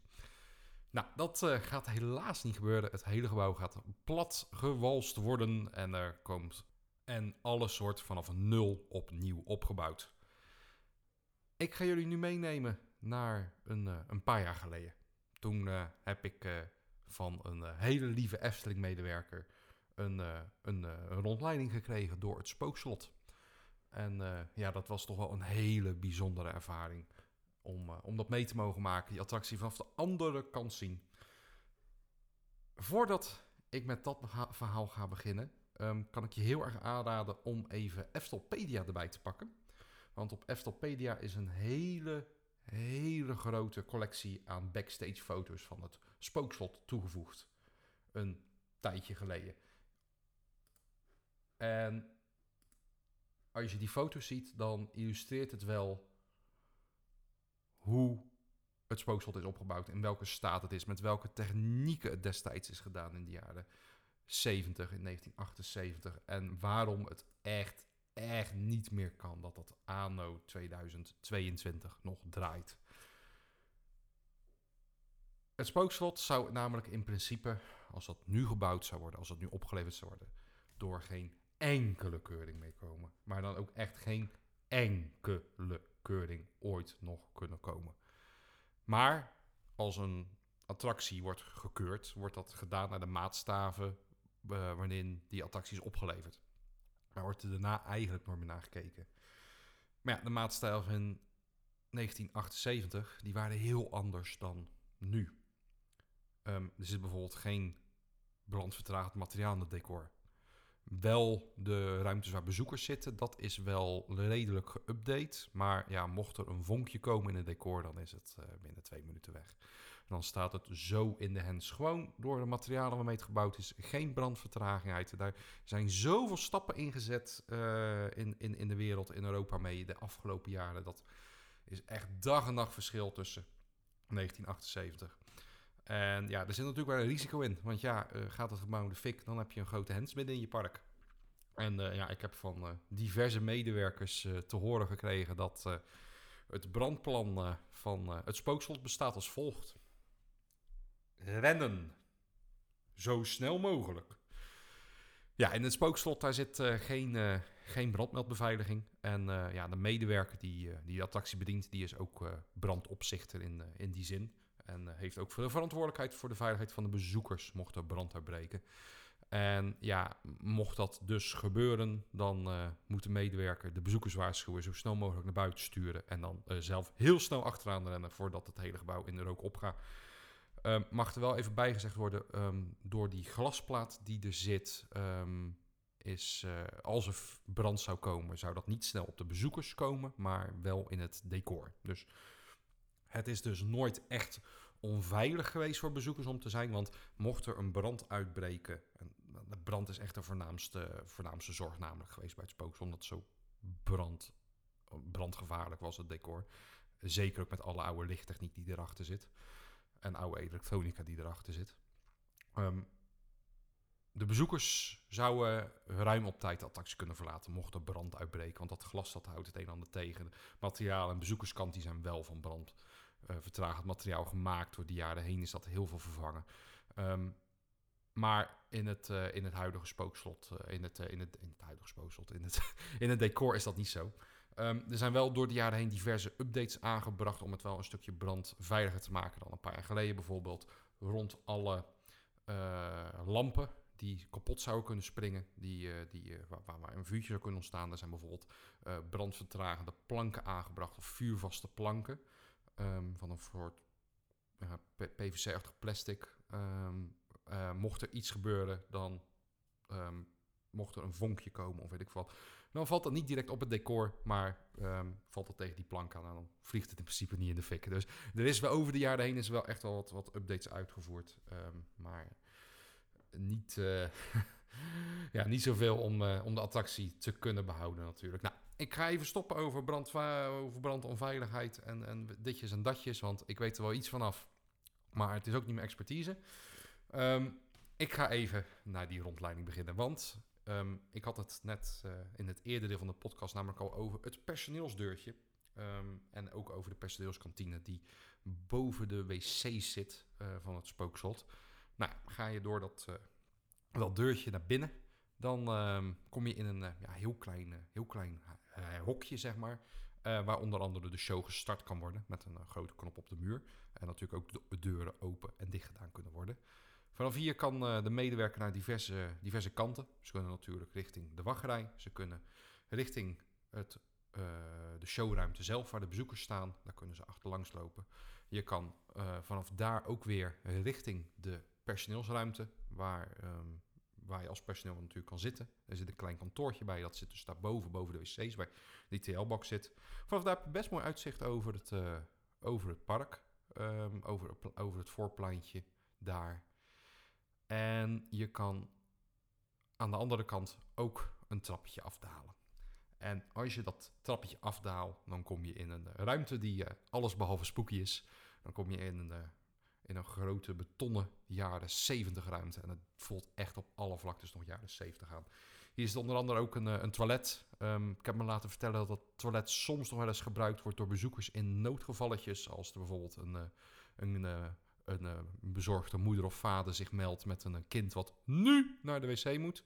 Dan wordt daar heel, heel soms nog wel eens gebruik van gemaakt. mocht er een zwaar noodgevalletje zijn bij een, bij een, eh, bij een kindje. Ehm, of eh, in het uiterste geval natuurlijk ook bij een volwassene. Ja, deze ruimte bevindt zich ehm, nou, volgens mij ongeveer onder de tribune van het spookslot. En eh, daar staan alle grote controlekasten. Van die grote 19-inch racks met, eh, met computermateriaal. De computerkasten. Daar zitten natuurlijk alle versterkers in. Alle regelkasten. Ehm, de muziek wordt er afgespeeld. En die zijn door de jaren heen zijn die wel natuurlijk een stukje geüpdate. Want een versterker uit de jaren 70, ja, die gaat het normaal gesproken nu niet meer doen als die dagelijks is gebruikt. Nou ja, ik ehm, kan je nog wederom aanraden, pak even Eftelpedia erbij. Want eh, ik ben daar even de doorschot naar de tweede serie backstage foto's die er staan. En daar, daar zie je precies, eh, precies alles waar ik het over had. Dus de, de, de, de, bedieningsknoppen die, in, eh, die, eh, die daar zitten op de deur. En daarna natuurlijk de bedieningskasten die je kan zien. Die staan overigens achter glas. Kunnen medewerkers niet zomaar bij. Dat is allemaal afgeschermd. Nou daarna zijn wij... eh, ehm, ja, zeg maar een, eh, een beetje achter het decor langs, langs gelopen. En ja, daar kon je echt zien hoe het is gebouwd. Als je bij Eftelpedia, wederom kan echt aanraden, even bij. Eh, daar is er dus een kopje op Eftelpedia op de pagina van Spookslot achter de schermen in 2022. Ehm, een aantal foto's. Ik weet niet wie deze heeft gepubliceerd ooit. Maar het staat allemaal op Eftelpedia. Ik weet niet wie ze genomen heeft, maar ze staan allemaal op Eftelpedia. Dus de credits gaan even naar hun toe. Fotootje nummer 5. Dan eh, kijk je ja, vanuit een van de, de torens. Kijk je recht op het spookshot vanuit de toren. Dus vanaf de achterkant. En dan zie je echt waar het spookshot van gemaakt is. Piepschuim. Alleen maar piepschuim. En hout. Houten stellages. Gewoon van dat, eh, ja, van dat vurenhout waar je... Ja, die, dat je gewoon in de, bouw, eh, in de, in de bouwmarkt haalt. Ehm, houten, houten planken, houten stellages met daarop piepschuimen blokken. Die uiteindelijk voorgegeven, vormgegeven zijn door decorateurs en overschilderd zijn met natuurlijk de stenen die je uiteindelijk ziet. Een materiaal dat, mits niet aangeraakt wordt, toch best wel lang mee kan blijkbaar. Maar het is natuurlijk totaal niet duurzaam gemaakt. Het is eh, natuurlijk in de pi- pioneringstijd geweest van, eh, van attracties, van decoratie, eh, decoraties in de Efteling. En het is echt een houtje-touwtje werk. Letterlijk houtjes en touwtjes. Want zo bewegen de meeste poppen met, eh, met touwtjes. Zo, eh, zo bewegen de monniken langzaam naar voren op een, eh, op een stellage. En ehm, kleine motortjes, motortjes, heel simpel. Met een balk van de onderkant en dan een, dan een hydraulische cilinder die van onder beweegt, bijvoorbeeld bij de, bij de grafzuilen. Het is heel simpel. Nou ja, ehm, iedereen die ik eh, de afgelopen tijd heb gesproken, die wel eens backstage bij het Spookslot is geweest, ehm, of recentelijk een eh, backstage heb gehad, want eh, ja, het is natuurlijk, de attractie gaat nu weg en ik, ik weet dat heel veel medewerkers van de Efteling, die misschien niet zozeer zelf bij het Spookslot werken, nu alsnog een tour krijgen achter de schermen. En ehm, ja, dat die, eh, dat die nu ook snappen waarom het weg moet, waarom het weggaat. Ik ehm, ben toen achter de show langs gelopen en toen schuin de trap op. Ehm, en daarachter zit, eh, ja, zeg maar tegen de achterwand aan, daar staat ook een foto van op Eftelpedia. Een dubbele trap, dus een trappetje omhoog, eh, tot een tussenverdieping dan helemaal omhoog. En toen heb ik in de toren gestaan aan de rechterkant. Heb ik naast de rechters gestaan en naast de verlichte uilen. En nou ja, hier op Eftelpedia staat wederom een mooie foto voor iedereen die wil meekijken met dit verhaal. Ehm, waar het materiaal van gemaakt is. Ehm, van voren lijkt het heel oud en heel mooi steen. En van de achterkant is het een piepschuimen pilaar. Totaal niet brandveilig. En niet zoals je tegenwoordig een attractie zou opbouwen. Wel heel goedkoop in de jaren, in de jaren destijds. Al zal dat al duur zat geweest natuurlijk om op te bouwen. Nou, je ziet ook die animatronics. ehm, hele simpele motoren, hele simpele bewegingen. Ehm, destijds goede, goede techniek, maar nu eh, hopeloos verouderd. En eh, ja, ik snap heel goed dat ze hiervan af moesten. Ik snap dat je het al die jaren hebt kunnen onderhouden. Want omdat het zo simpel is, kan je het natuurlijk makkelijk updaten. Goedkoop updaten, goedkoop onderhouden. Ehm, een piepschuim blok eh, onderhouden, dat, eh, dat is sowieso wel heel erg simpel. Maar het kan anno 2022, kan het gewoon niet meer. De attractie is letterlijk uit elkaar aan het vallen. Ehm, eh, ik heb me ook laten vertellen dat er bepaalde plekken in het decor... dat daar niet meer doorheen gelopen mag worden door de medewerkers... omdat er gewoon te veel gevaar is dat mensen er doorheen zakken. Ehm, ja, op een gegeven moment is er geen andere keus meer dan alles afbreken en opnieuw opbouwen. En ja, dan moet je de afweging maken. Is dat het waard? Is dat het waard? En uiteindelijk is de Efteling tot de conclusie gekomen dat het niet waard is met de huidige staat van het spookslot. Nou ja, die, eh, die backstage die ik toen heb gehad, het was niet zo'n hele lange, maar ik heb wel een hele mooie indruk kunnen krijgen van het spookslot, van de techniek daarachter. Heb er toen echt heel veel respect ontwikkeld voor de, voor de makers van destijds.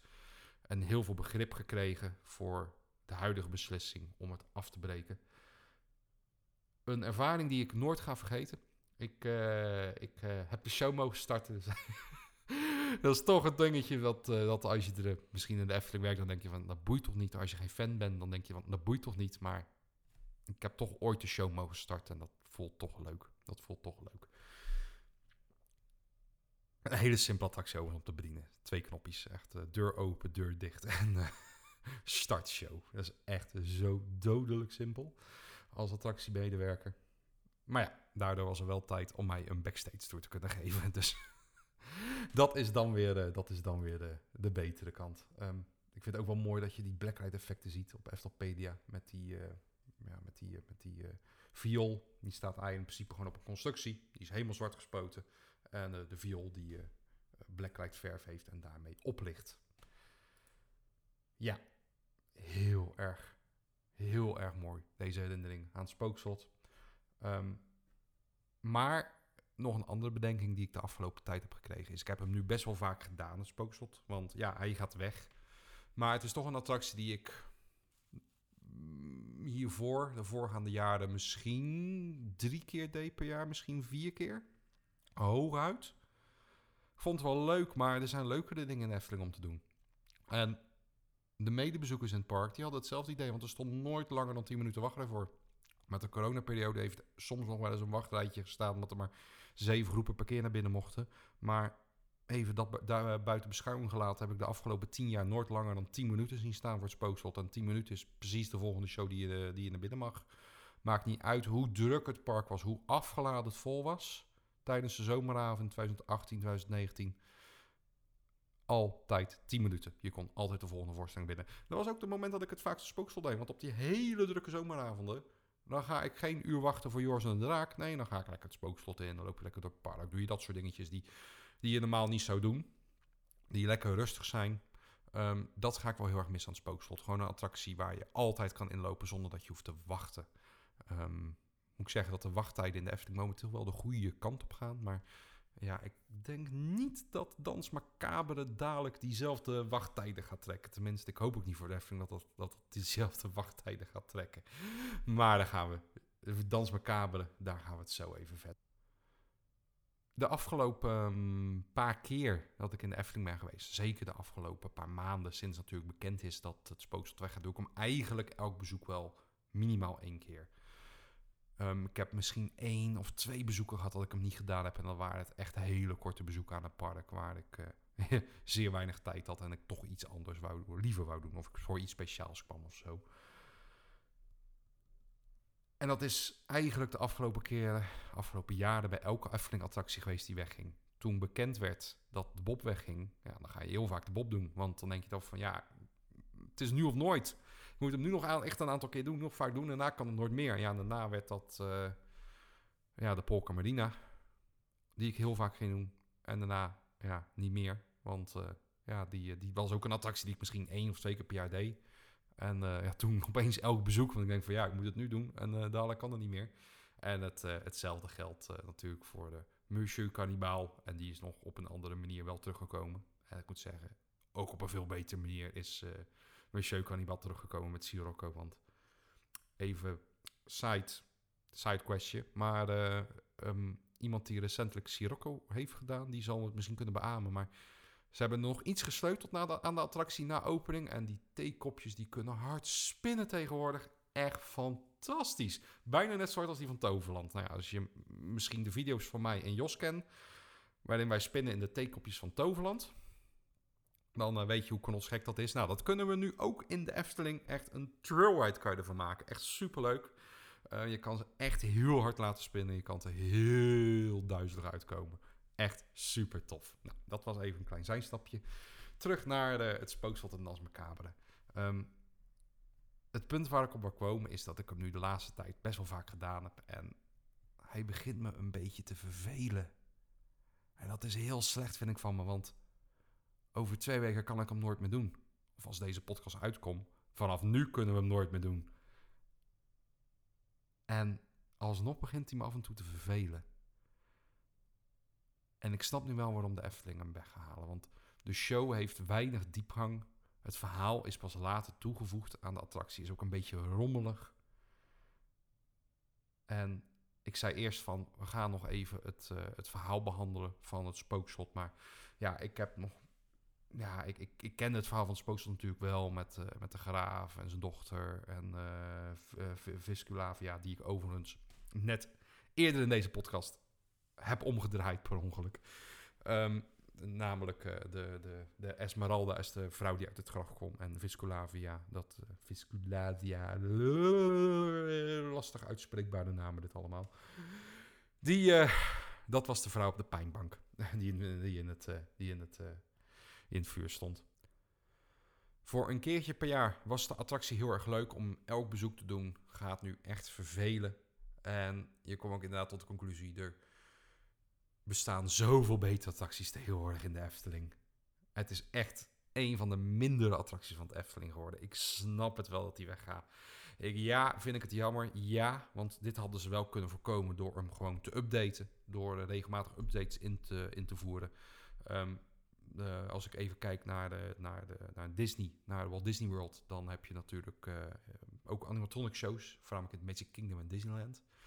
Ehm, als je even naar Magic Kingdom kijkt, dan heb je natuurlijk de Country Beer Jamboree, je hebt de Tiki Room en je hebt de Carousel of Progress. En alle drie de shows die zijn geüpdate door de jaren heen. Hij is nog steeds trouw aan het origineel. Ook in audiotracks en dergelijke.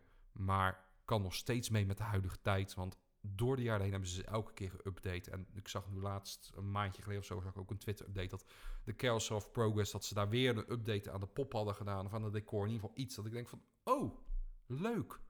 Daar doen ze nog steeds moeite in steken. Daar doen ze nog steeds nieuwe dingen in, in inzetten. En de Tiki Room hebben ze natuurlijk ook ooit eens een keer geüpdate naar, eh, met, eh, met Stitch erbij. En dat hebben ze nou weer teruggebracht naar het origineel. En het onderhouden is ook nog steeds goed. Is nog steeds redelijk populair in het Magic Kingdom. En ook in Disneyland. Ze onderhouden het daar wel goed, omdat ze het updaten. En ja, de Efteling die heeft het misschien de afgelopen jaren niet geüpdate. Maar ja, dat komt dan misschien wel weer voort uit... Ja, maar we gaan hem over een x aantal jaar weghalen. Dus waarom zouden we wat aan doen? Maar ja, als je dat 20 jaar zo volhoudt, dan heb je op een gegeven moment een echt verouderde attractie. En dan valt er geen beginnen meer aan te maken. Dus ja, als ze misschien rond ja, eind jaren 90, begin 2000 al begonnen waren aan die updates, dan had het misschien wel gekund. Als je door de jaren heen al je decor had vervangen en geüpdate, ja, dan had het misschien wel gekund. Had het niet, in één, niet één keer zo'n grote klap geweest qua financiën. Had je misschien projecties kunnen toevoegen langzaam aan. Dat had me wel heel leuk geleken. Je had animatronics kunnen updaten. Je had de show uh, meer eigen tijds kunnen maken qua flow. Meer geüpdate naar de huidige tijd. Iets, iets vlotter, iets moderner. Met nieuwe technieken erin. Het had gekund, maar daar had je 20 jaar geleden mee moeten beginnen. Niet vandaag, want vandaag kan je er gewoon niks meer aan beginnen. Vandaag was het attractie leegtrekken en opnieuw opbouwen. En ja, dan hoor je ook dat uh, de fundering bijvoorbeeld niet meer zo lekker is. En dat uh, het, uh, de, de, de, bepaalde stoffen in het gebouw zitten die eruit verwijderd zouden moeten worden. Dat alle, alle facilitaire systemen, zoals de, zoals de verwarming, vervangen moeten worden. En er moet natuurlijk brandmelder in geïnstalleerd worden dan. Als je dingen gaat aanpassen, er moet zoveel gebeuren. Ja, dan kan je hem beter gewoon opnieuw bouwen. En dan snap ik dat ze geen één op één kopie gaan neerzetten. Want dan ben je makkelijk... 8 tot 10 miljoen kwijt, zou ik zeggen. Even heel ruw geschat. Dan snap ik dat als je de budgetten hebt, dat je liever 25 miljoen uitgeeft voor, de, voor Dans Macabre. Dus ja, uiteindelijk vind ik de hele keuzeopbouw snap ik. Ik vind het alleen jammer dat het zover heeft moeten komen. Want als hier 20 jaar geleden anders mee om waren gegaan, dan hadden we nu het spookslot, een modern spookslot al gehad, al jarenlang. En wat nog deze van deze tijd was geweest. Ja, ik deed laatst ook terugdenken van ja, wat als het spookslot in het Sprookjesbos had gestaan? Ik denk dan dat de keuze ook anders was geweest. Want ik kan me niet indenken dat de Efteling bijvoorbeeld een spookje zou weghalen in het Sprookjesbos. Dat is ondenkbaar. En dat zie je ook wel, want ze hebben natuurlijk het huisje van Sneeuwwitje opnieuw opgebouwd. En nu ook het huisje van, uh, van de put van vrouw Holle. Dat is allemaal opnieuw opgebouwd. Op een hele waargetrouwe namaak. Om, om even een vergelijking natuurlijk te trekken met Spookslot. Uh, de Indische waterlelies. Ongeveer even oud, ietsje ouder zijn de Indische waterlelies. Maar ook een animatronic show. door de jaren heen ook geüpdate. Ehm, zowel qua vertelstem als qua muziek, als qua showprogrammering, als qua lampentechniek. Het is nog heel waargetrouw aan hoe het vroeger was, maar het is wel van deze tijd geworden tegenwoordig. Het is nog een klassieke attractie, een klassiek sprookje van de Efteling, zoals mensen hem 40 jaar geleden ook al beleefden, maar het heeft toch iets moderns, iets moderners eraan zitten. Het is toch geüpdate door de jaren heen en daardoor kan het nog mee. Bij het spookslot is dat niet gedaan. En ik denk als het spookslot in de Sprookjesbos had gestaan, dat die keuze anders was geweest.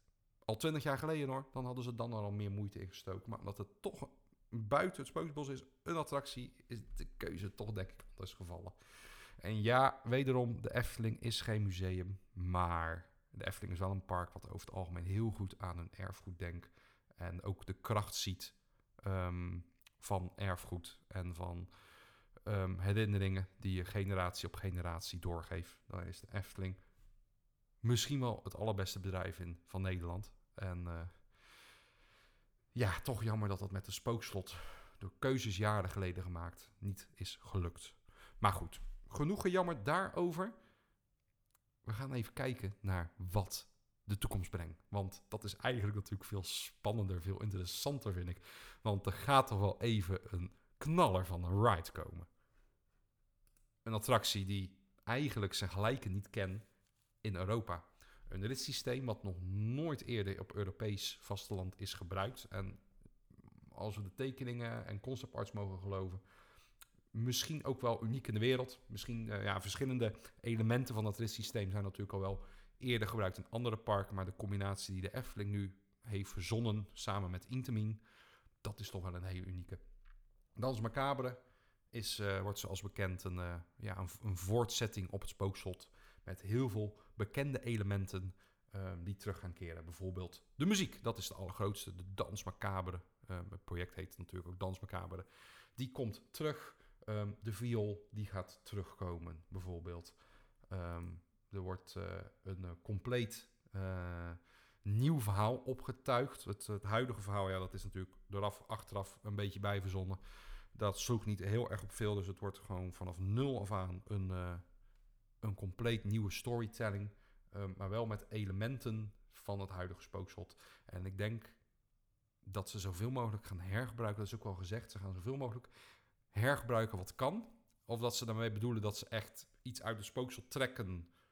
Dat opknappen en weer in de attractie terugplaatsen. Of dat ze um, het compleet opnieuw op de decors compleet opnieuw maken, dat weet ik niet.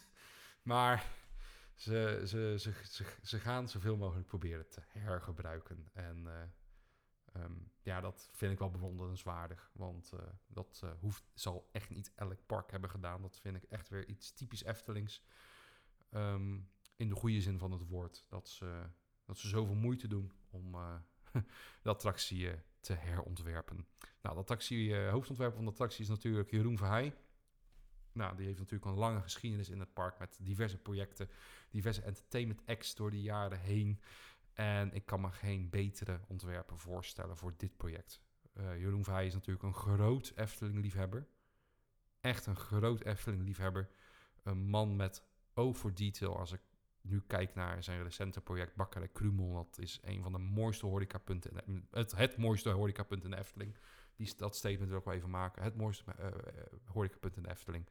Met details die ik nog niet eens allemaal heb ontdekt. Ik heb laatst ook weer begrepen dat er ergens bijvoorbeeld een vliegenvanger zit. Want dat is, ik weet even niet, was dat in een andere podcast? waar ik dat gehoord heb, of was dat ergens anders? Ik weet even niet meer. Maar in ieder geval, een, een, ja, dat was volgens mij in de kleine boodschapszintuig waarin dat gezegd is bij die, uh, die aflevering in theater. Dat er een, um, een, uh, een vliegenlamp zit, die is verplicht namelijk. En dat het ergens mooi vormgegeven zit, ergens in een hoekie. Nou, ik heb hem nog niet kunnen ontdekken hoor. Dus uh, heel goed gedaan, heel goed, heel goed verstopt allemaal, die technieken. En um, ja, als datzelfde oog voor Diesel dus ook in Dans Macabre gaat terugkomen, dan mogen we echt in onze handjes knijpen. En dan gaan we echt een wereldse attractie uh, tegemoet komen. Nou, eerst even over dit systeem, want daar gingen heel lang allerlei speculaties uh, rond. De Intamin Dome Ride, projecties, um, eh, IMG World of Adventure Hulk systeem van Dynamic Attractions. Alleen al van Intamin. Allerlei dingen zijn er rondgevlogen. Nou, het was allemaal wel een klein beetje op die waarheid gebaseerd. Maar ehm, ja, het wordt dus toch net weer even ietsje anders. Het zit toch net weer even ietsje anders.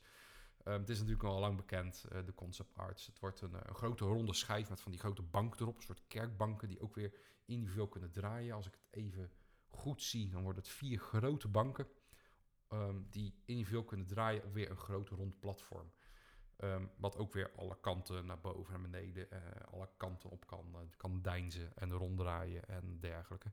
En dan in geen geval dat het een trailride wordt. Het wordt echt wel een showride natuurlijk.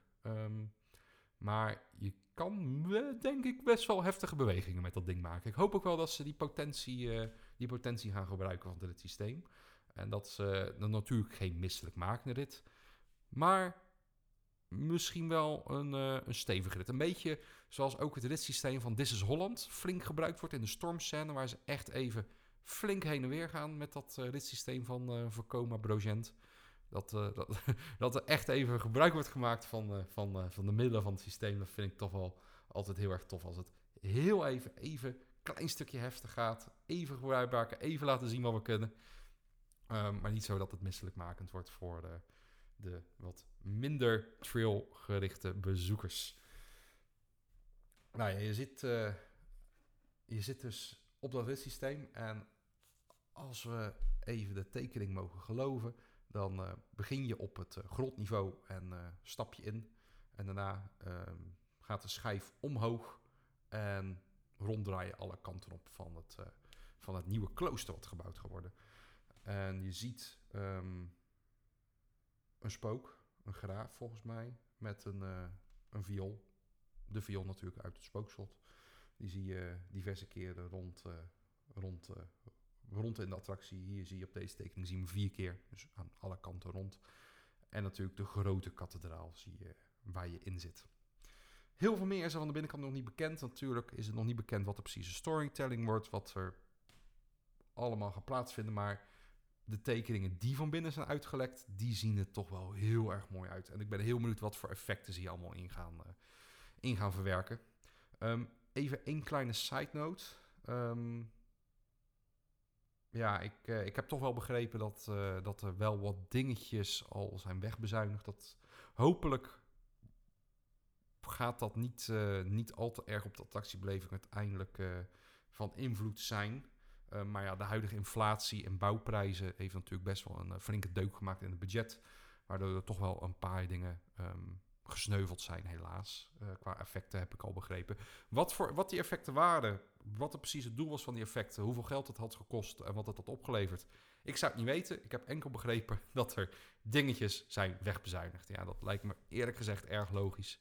Uh, met de huidige bouwinflatieprijzen. Überhaupt alle inflatieprijzen natuurlijk. Maar in de bouw wordt het nog even nog een stukje extra duurder. Um, ja, op een project van 25 miljoen, dan uh, gaat de teller zeer hard omhoog. Dus ja, ik hoop dat er nog ergens wat extra budget gevonden kan worden om uh, ja, die gaten op te vullen. En dat er niet te veel gaat sneuvelen in het, uh, in het budget. Nou, de binnenkant, ja, dit is tot nu toe bekend. Um, ik hoop dus heel veel elementen uit Spookslot te kunnen gaan terugzien, terug herkennen. Toch van die kleine dingetjes die terug gaan komen. Um, ja, dat kan ik alleen maar waarderen. Gaan we even naar de, naar de buitenkant. Want uh, ja, daar zijn ook uiteraard tekeningen van gelekt. En dan zie je een, uh, ja, een grote kathedraal.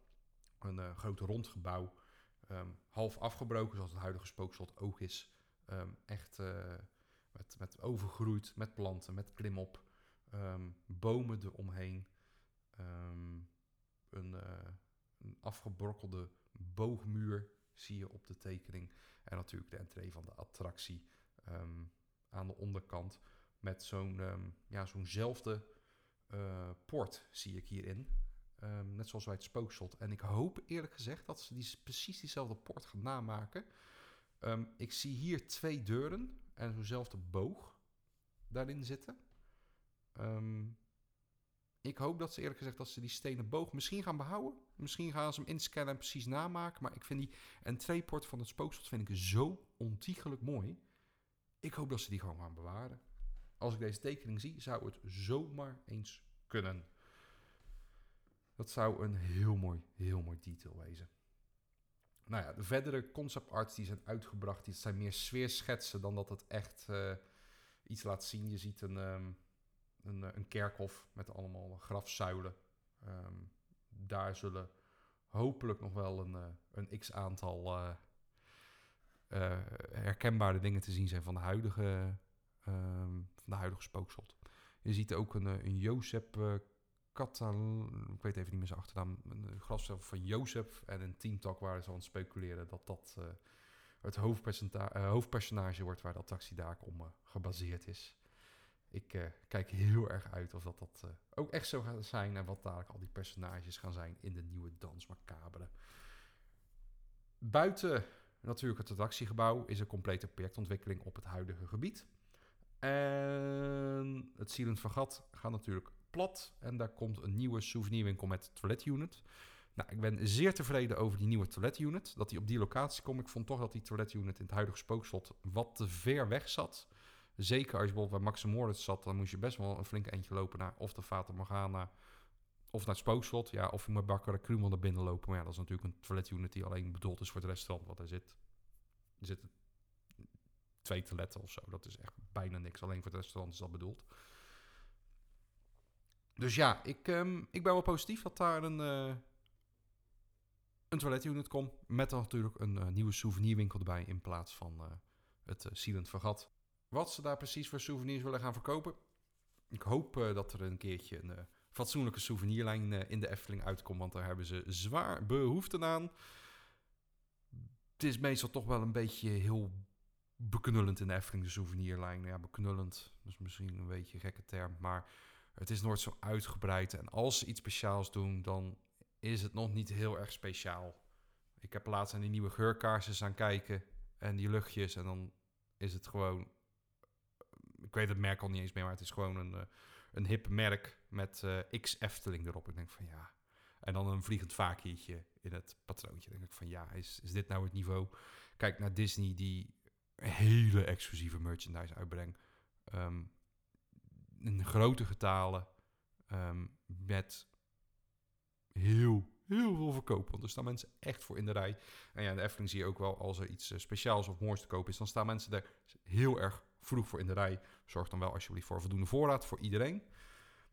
Dat is vaak namelijk nog wel eens een probleem met de pins. Maar even terug naar de, even terug naar de souvenirwinkel. Ja, ik denk wel dat de Efteling ehm, een eh, extra souvenirwinkel kan gebruiken. Je hebt natuurlijk aan de voorkant van het park Efteldingen. Dat is de grote souvenirwinkel bij de entree van het park. Ja, ik vind hem eh, toch aan de kleine kant.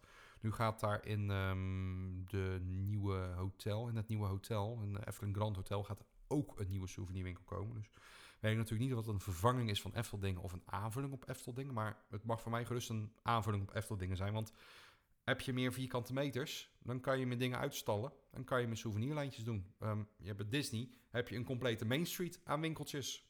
Verkoopt hartstikke goed. Dan heb je een winkeltje en dan heb je alles, alle borden, borden, huistuin, keuken, ehm, borden, mokken en dergelijke. Nou, daarna ga je door naar de kinderkledingwinkel, dan naar de algemene grote souvenirwinkel. En aan de andere kant heb je natuurlijk eerst de, als je van het kasteel natuurlijk zou lopen richting uit van het park, heb je natuurlijk eerst de, de, de, de, grote Disney beeldenwinkel en het glaswerkwinkeltje. Ehm, daarna kom je nog een snoepwinkel tegen. Je komt de, ehm, eerder kom je al een kledingwinkel tegen, specifiek gericht op volwassen kleding. Daarna kom je een babywinkelkleding en peuterkledingwinkel tegen. Dan komt ondertussen die snoepwinkel een keertje voorbij toen. En daartussen is het ook nog allemaal eetentjes natuurlijk. Um, om uiteindelijk bij de fotowinkel uit te komen, waar de, de fotopass zit. Waar ze nu ook alle 30 jaar souvenirs specifiek in die winkel hebben. De, de 30 jaar van Disneyland. Ja. Dan heb je het over een stuk of 7, 8 winkels achter elkaar. Efteling heeft er eentje. Ja, meer winkeloppervlakte is meer souvenirs die je kan uitstallen, is meer uh, potentiële omzet die je kan maken uit je souveniraanbod. Ik ben voor meer souvenirwinkels, want ik zeg, ik vind ze nu echt te weinig. Je hebt natuurlijk bij het ingang van het park heb je Eftel dingen. Um, je hebt natuurlijk nog uh, de Marskramer. Uh, je hebt Joki's Wereld, um, waar wat souvenirs verkocht worden. En de Bazaar. En dat zijn eigenlijk wel alle grote locaties. Je hebt natuurlijk ook nog locaties zoals uh, Fabula en bij Symbolica. En er staat nog zo'n karretje in het Ruigerijk en bij de Droomvlucht bij de uitgang. Maar Dat zijn allemaal hele kleine locaties bij of een fotobalie of een klein karretje. Eh, dat zijn nou niet echt eh, de locaties die ik bedoel. Ik bedoel echt over vierkante meters winkeloppervlakte. Die heeft Efteling echt tekort. En nu met het Efteling Grand Hotel en deze nieuwe souvenirwinkel bij het Spookslot gaan daar echt wel wat flink wat extra meters bij komen. Dus hopelijk ook meer uitgebreide souvenirlines en uitgebreidere productaanbod. Ik kijk heel erg uit naar die souvenirwinkel en naar natuurlijk de nieuwe toiletunit, want dat is iets wat de Efteling altijd kan gebruiken. Extra toiletten heeft het park altijd tekort. Nou, het nieuwe plein dat uh, gaat uh, lekker spooky-achtig uitzien. Um, ik ben ook benieuwd wat er met, uh, met Gijs gaat gebeuren, met Hollebolle Gijs aan dit plein. Um, misschien gaat hij verplaatst worden, misschien krijgt hij een nieuw jasje. Ik ben benieuwd. Um, je zou zeggen, qua thema van het Gijs, nou ja, verplaatst hem naar de Vliegende Hollander. Maar ja, daar staat al een, een, een Gijs, die met het kanon. Die hebben ze ook ooit, ooit eens naar die locatie verplaatst namelijk. Nou, waar je nog meer kwijt kunnen? Ja, dan ga ik al heel snel denken aan uh, Naast de Halve Maan bijvoorbeeld. Maar ja, dat staat weer heel dicht bij kanongijs. Je zou nog kunnen denken van verplaats hem... Uh, ja, waar hebben ze nog meer scheepvaartthema? In het park. ja, ja, lastig. Je kan hem verplaatsen naar iets van de traptreintjes of zo. Daar hebben ze niet zo heel veel in de buurt. Daar kan je nog wel een hollebolgijs gebruiken. Daar is niet zoveel in de omgeving om te doen. Um, een nieuw jasje en dan naar Simbad, de wereld van Simbad. Zou je kunnen doen, maar dan moet hij echt gewoon een nieuw jasje komen. Dat heeft ook nog wel iets met de zee te maken. Net zoals deze gijs, maar... Moeten eens even over nadenken. Het zal vast wel een plan klaar liggen, maar ik ben benieuwd wat daar mee gaat gebeuren. Ik kan me niet voorstellen dat die hollebolgijs helemaal gaat verdwijnen. Of ja, misschien hebben we dadelijk een, een spooky gijs. Ook leuk. Spooky gijs. Deze gaat in, het, uh, in de opslag en dan krijgen we een nieuwe gijs. Spooky gijs. we gaan het wel zien wat er met die reis gaat gebeuren. Ja, en uh, natuurlijk de complete gebiedsontwikkeling van het hu Huiverwoud... met de complete ingangszone van Dans Macabre. Deze souvenirwinkel, het toiletunit. Ik hoop wel dat het, uh, dat het een mooi geheel gaat worden. Daar heb ik wel vertrouwen in. Ja, daarna ga je richting, uh, richting de attractie. Dat is een ja, bijna rond gebouw... Maar dan met uh, 1, 2, 3, 4, 5, 6, 7, 8, 9, 10, 11 hoeken. Even snel geteld. 1, 2, 3, 4, 5, 6, 7, 8, 9, 10. 10 hoeken, sorry, moet ik wel goed zeggen. Een tienhoekig gebouw met twee uh, uitstulpingen, zeg maar. Um, ik snap wel dat ze voor een tienhoekig gebouw gaan in plaats van een rondgebouw. Want een tienhoekig gebouw is veel goedkoper om te bouwen dan een rondgebouw. Daarnaast werden oude kapelletjes, die werden ook nooit echt rondgebouwd. Maar um, dat werden vroeger ook, zeg maar, een, uh, ja, een, een, gebouw. Wat bijna een rondje is. Een oud kapelletje natuurlijk. Werd vroeger ook al gedaan, dus het is ook meer passend in de tijd natuurlijk. Van, een, uh, van, uh, van zo'n oud gebouw. Zo'n oude kathedraal. Um, ik vind het gebouw aan zich, de concept arts die zijn uitgelekt, vind ik best wel in de Efteling passen, zo'n oude kathedraal. Het uh, is een gebouw wat ik, uh, als het al 10 jaar in de 10 of 20, 30 jaar in de Efteling zou staan, dan had ik het zo geloofd. Dus dat doen ze heel erg goed, vind ik in principe met die concept art. Ik vind het er echt op lijken op een gebouw wat in de Efteling past, wat in het park thuis hoort. Zo'n kathedraal is ook heel makkelijk natuurlijk rondom te thematiseren. Je hebt de symbolica zie je natuurlijk toch wel een beetje dat het een loods is. Uh, die op sommige plekken meer en minder gethematiseerd is. Van de voorkant ziet er erg mooi uit. Van de achterkant kan het ermee door. En als je in de pagode zit, zie je dat het een groene loods is. Dus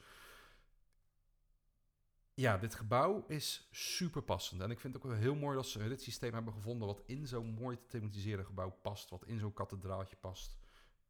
Ja, dat vind ik, uh, vind ik heel passend.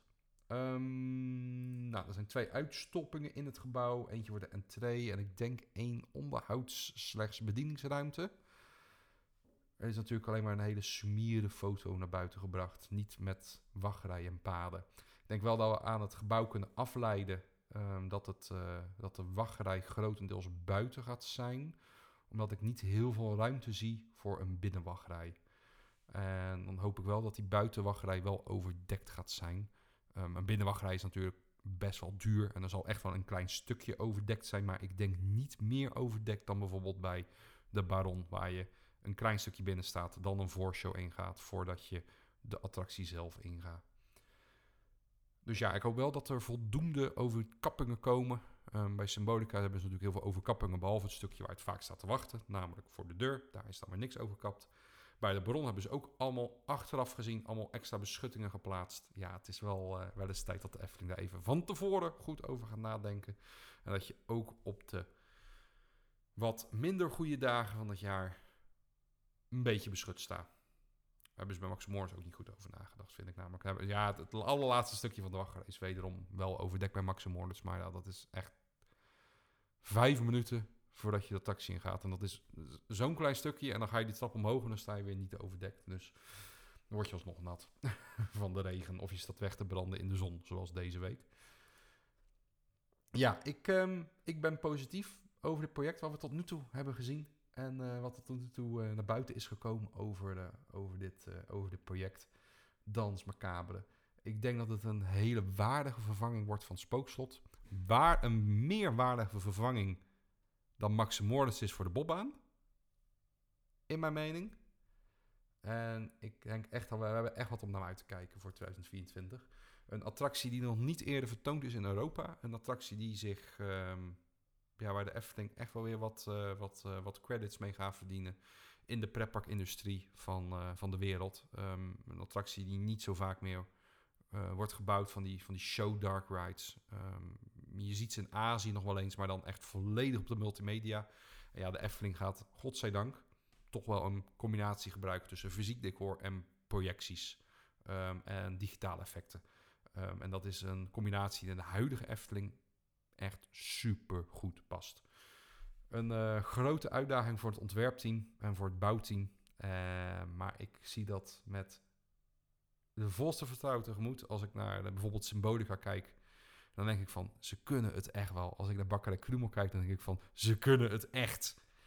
En ik denk dat, uh, dat uh, Dans de samenvoeging gaat worden van al die expertise die ze de afgelopen jaren hebben opgebouwd in een best wel goed ontwerpteam die ze ondertussen bij elkaar hebben. Onder leiding deze keer van, uh, van Jeroen Verheij samen met alle andere ontwerpers van de Efteling. En natuurlijk alle andere mensen die bij de bouw betrokken zijn. Van, van de decorateurs tot de mensen die, die de technische tekeningen maken gaan natuurlijk heel veel mensen zitten in zo'n project. Het is niet één persoon of één man die, die het doet. Het is een heel team aan ontwerpers die natuurlijk die er, eh, die er omheen staan. En ja, dat doen ze natuurlijk tegelijkertijd met het uh, Efteling Grand Hotel. Um, wil ik misschien ook nog heel even kort over hebben, want ik denk niet dat ik daar echt een aparte podcast over ga maken op dit moment. Um, het Efteling Grand Hotel wordt natuurlijk in hetzelfde jaar opgeleverd. Het is uh, in 2024, de voorbereiding is nu al flink bezig.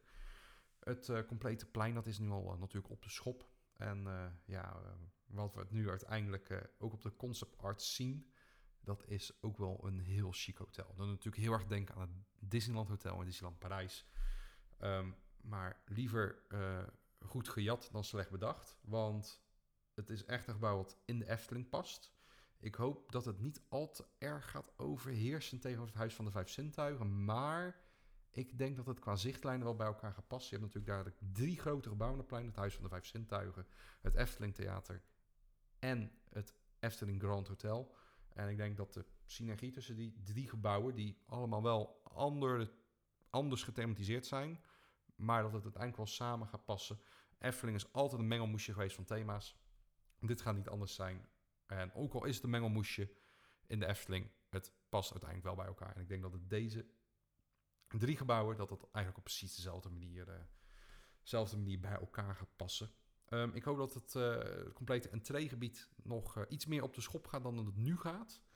Um, er zijn toch best wel nu al een paar bedenkelijke keuzes gemaakt, moet ik heel eerlijk zeggen. Ik vind de nieuwe garderobe plus de verhuuruitgifte, plus de Souvenir Express op het nieuwe gebouwtje in het, ja, niet, niet in het park, buiten het park, op de parking, vind ik een grandioze misser. Echt een grandioze misser. Hoe hebben ze dit in godsnaam kunnen bedenken zo? Dit is toch de domste keuze geweest die je had kunnen maken. De werkdruk voor het personeel is gigantisch opgelopen, want die karretjes gaan nu opeens buiten het park, op de parking. Dus mensen laten die achter bij de auto. Dan moet je ze weer gaan ophalen zijn best wel jatgevoelig, zou ik kunnen zeggen. Uh, ik had als kind Eh, misschien ook wel eens een karretje gewild. En eh, natuurlijk ga je dat als eh, verstandig volwassen persoon zeg je nee, die moet netjes teruggebracht worden. Maar niet alle volwassenen zijn zo slim en verstandig en zo netjes. Ik kan me voorstellen dat er af en toe wel eens eentje in de achterbak van een auto verdwijnt. Um, en doen ze dat niet, dan worden ze nu heel veel achtergelaten op de parking. Dan moeten medewerkers ze ophalen. En mensen moeten, medewerkers moeten die mensen aanspreken. Dat ze ze moeten wegbrengen. En het is allemaal heel veel extra werk. En als je dat gewoon binnen de parkgrens had gedaan, dan had er niemand last van gehad. Daarnaast zit de Souvenir Express nu ook daar. Um, en de rolstoelverhuur natuurlijk. Um, ik heb echt een groot punt met dit. Daarnaast is mijn grootste klacht, eerlijk gezegd nog wel, is dat een heel groot deel van de Efteling-bezoekers daar helemaal niet langs loopt. Kom jij vanaf de parking KLM, kom jij vanaf de voorste kant van het park, kom jij vanaf de gehandicapte parkeerplaats, kom jij vanuit Bosrijk of het Loonse Land, dan kom je helemaal niet langs dat gebouw. Je moet als gehandicapte, en je zou een rolstoel willen lenen, huren, en je hebt een gehandicaptekaart en je mag vooraan parkeren, moet je eerst helemaal de parking teruglopen, om vervolgens helemaal terug naar de ingang te lopen. Dat is niet logisch. Een heel groot gedeelte van de bezoekers die gaat helemaal niet langs dat gebouw lopen. Dus die moeten daar extra heen en weer over die laan lopen om hun souvenirs op te halen. Om die kinderwagens weg te brengen. Um, terwijl mensen er helemaal niet langs lopen. Want als mensen op KLM staan, die hebben een kinderwagen gehuurd bij het ophalen moeten ze al die halve parking overlopen. Bij het teruggaan moeten ze ook die halve parking overlopen.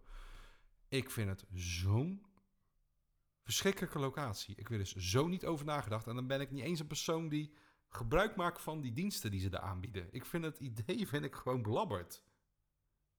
Had dat lekker naast het Efteling Theater geplaatst. Daar was echt wel ruimte geweest om iets te realiseren. Ik weet, het is niet misschien de meest grote locatie die ze daarover hebben. Maar ze hadden echt wel wat ruimte gehad daar. Uh, naast het Efteling Theater, bij, uh, bij de fietsenstalling en bij dat uh, backstage, backstage terreintje natuurlijk, wat ze daar hebben. Dat is een beetje een, ja, de Efteling Boneyard, zullen we het maar noemen. Het heeft even een naampje, maar die ben ik even vergeten. Het, het terreintje schuin achter het Efteling Theater. Daar is meer dan zat plek om dat gebouw te realiseren. Waarom hebben ze het in godsnaam op de parking gebouwd? Dat was echt een grandioze misser. Nou goed, daar uh, even genoeg gezeur over. Ik hoop dat ze het nog zelf gaan inzien. Ik begreep dat er al best wel wat discussies onder het personeel waren dat dit misschien niet al te slim is. Maar het is wel een hele dure fout als ze het nog willen gaan rechtzetten. Want ja, je hebt natuurlijk een nieuw gebouwtje gebouwd. Nou, dat heeft makkelijk weer een half miljoen gekost. Um, kan ik me zo voorstellen. Of in ieder geval een paar ton, dat gebouw. Ja, ja minimaal wel drie, vier ton, denk ik. Um, ja, als ze dat taak niet kunnen gebouwen, niet, niet kunnen gebruiken, dan is dat een hele dure fout geweest.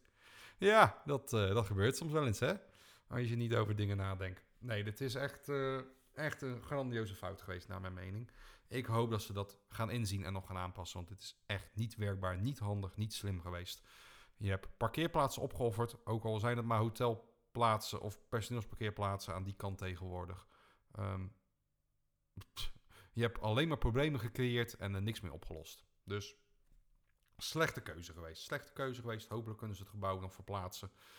Ik vrees er niet voor, want dat gaat natuurlijk weer 2 of 3 ton kosten om het te verplaatsen. Dus uh, ik vrees dat we de komende jaren nog gewoon heel veel problemen en gezeik daarmee gaan hebben op de parkeerplaats met achtergelaten winkelwagentjes. Mensen die het niet kunnen vinden, mensen die het lastig vinden, mensen die vragen hebben. Niet slim geweest dit. Gewoon niet slim. Eftelings geneuzel noem ik dit altijd. Dingen die alleen nog maar in, het Brabantse sprookjespark kunnen voorkomen, zeggen maar. De rest van het hotel vind ik wel heel mooi, heel mooi geplaatst. Natuurlijk met een fantastisch mooi restaurant dadelijk bij, uh, bij Aqua Noura. Ik hoop dat ze daar uh, volop kunnen gaan inzetten op uh, de horeca. Um, dat er daar ook voor niet-hotelgasten dadelijk voldoende plaatsen zijn om te kunnen gaan eten in het park.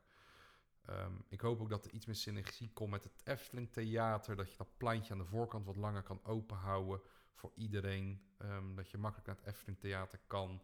Dat je makkelijk naar het hotel, naar het hotel kan om te, om te dineren. Um, ik denk dat daar eh, een heel mooi voorplaatje kan ontstaan. Waar ook veel meer potentie in zit om de komende jaren daarna nog wat verder te ontwikkelen. Met kleinere toevoegingen. Met de toevoegingen van een paar kleinere restaurants misschien. Ehm, of extra souvenirwinkeloppervlakte, waar ik het net al eerder over had. Een herindeling van de verdere Huis van de Vijf Zintuigen. Want die indeling is natuurlijk ook een beetje achterhaald ondertussen. Al die kassenhokjes kunnen verwijderen. Iedereen koopt tegenwoordig zijn het online. Um, willen mensen echt nog langs een kassenhokje? Dan moeten ze langs de gastenservice. Uh, de nou ja, nu moet je reserveren voor je Efteling bezoekje. Gaan ze dat op een gegeven moment weer afhalen. Dan is het percentage mensen die aan de poort een kaartje kopen. Nou, ik denk als het een half procent van je bezoekers is, is het al veel. De rest uh, heeft allemaal al een pasje of een dagkaartje met reservering. Dus uh, ik, uh, ik denk dat je uiteindelijk al die kashokjes gewoon lekker moet slopen. Ze hebben natuurlijk al een heel deel weggehaald, maar ik denk dat je het uiteindelijk allemaal moet slopen. Dus de toiletunit kan ook weggehaald worden, want er staat ondertussen ook alweer een nieuwe van op de parking. Tenminste, een nieuwe. Ze hebben die oude opgepakt en verplaatst. Want dat is gewoon een mobiele toiletunit die ze opnieuw hebben geplaatst. op zich wel slim om dat natuurlijk te hergebruiken vanuit uh, financieel uh, aspect. Om dat uh, allemaal te hergebruiken. Um, en ik, ja, ik ik ben natuurlijk niet een persoon die heel erg de doelgroep is van dit hotel. Ik woon te dicht voorbij de Efteling om echt in dat hotel te gaan overnachten. Ik heb altijd wel gedacht van, ik zou misschien ooit wel eens een keertje in Bosrek willen slapen. Nou, dat heb ik ook bij het hotel. Ik zou ooit wel eens een nachtje willen slapen, maar dat is puur één keer voor de ervaring, denk ik. En dan zou ik een keertje in de winter gaan, als het heel goedkoop is of zo, ergens op een doordeweekse dag in februari. Um, want ja, dit hotel gaat wel een hele dure worden. Het is natuurlijk echt de high-end van de markt. Het gaat schijnbaar best wel heel chic worden. En ik uh, ben benieuwd of ze ook die standaard van echt chic hotels gaan halen. Bijvoorbeeld dezelfde standaard die het Disneyland Hotel in Parijs heeft. Ik uh, ben benieuwd of dat, uh, of, dat ze dat, of dat ze dat gaat lukken. Ik denk het wel. Um, verder een project, ja, wat een grote impact op de Efteling gaat hebben. Ik hoop uiteindelijk ook een positieve impact en dat er nu de eerste fouten gemaakt zijn, dat de rest van de fouten er nog even uitgehaald kunnen worden. En dat ze even goed kijken naar de routing van, uh, van de paden en dergelijke. Um, ik was best wel overigens geschokt over de grote zandvlakte die opeens is ontstaan. Ja, natuurlijk, jarenlang heb je de ingang gehad van de Efteling die je altijd kende. Nou, dat is weggevaagd. Echt weggevaagd, maar ik, uh, ik hoop dat daar iets moois gaat terugkomen. Um, iets passends bij de entree van de Efteling. Passend bij het Huis van de Vijf Zintuigen. Passend bij het Nieuw Hotel passend bij, uh, bij de vonden van Aquanura. Um, waar overigens het eerste nieuwe deel al geopend is met een nieuwe, nieuwe balustrade bij Aquanura. De moving palen zijn verplaatst, de speakerpalen zijn verplaatst en die zijn allemaal op de nieuwe locatie al. Um, dat is nu de doorvoerroute het park in. Um, nu voor het komende jaar is dat een prima oplossing in deze manier. Um, de meer permanente oplossing, uh, daar komt hopelijk nog heel veel meer groen bij. Zodat zodra je de Efteling binnenloopt, jij ook echt het idee hebt dat je in het natuurpark de Efteling bent. ja, nou, samenvattend, heel veel om naar uit te kijken in 2024. Dans Macabre, het Efteling Grand Hotel, de compleet nieuwe ingangszone, souvenirwinkel, alles erop en eraan. Heel, heel veel ontwikkelingen gaan er plaatsvinden. Ik kijk echt uit om dat de komende twee jaar te gaan bijhouden en te gaan zien in het hele park. Um, even terugkomen op de sluiting van het spookslot. Want ja, het spookslot is nu gesloten. En persoonlijk, zoals je ondertussen uit de podcast hebt begrepen, heb ik daar vrede mee. Hij heeft lang genoeg in de Efteling gestaan. Het is tijd voor iets nieuws. Het is tijd voor Dans Macabre. En het is tijd om het hoofdstuk Spookslot af te sluiten.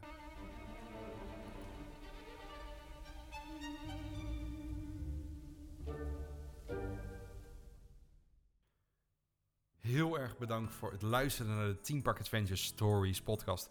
Wil je nou iets kwijt? Dan moet je even naar teamparkadventures.nl naar het contactformulier en dan kan je mij een berichtje sturen. Dan neem ik het de volgende keer mee. Of ga natuurlijk naar een van mijn social media kanalen. Kan je ook vinden via teamparkadventures.nl. Bedankt voor het luisteren en tot de volgende keer.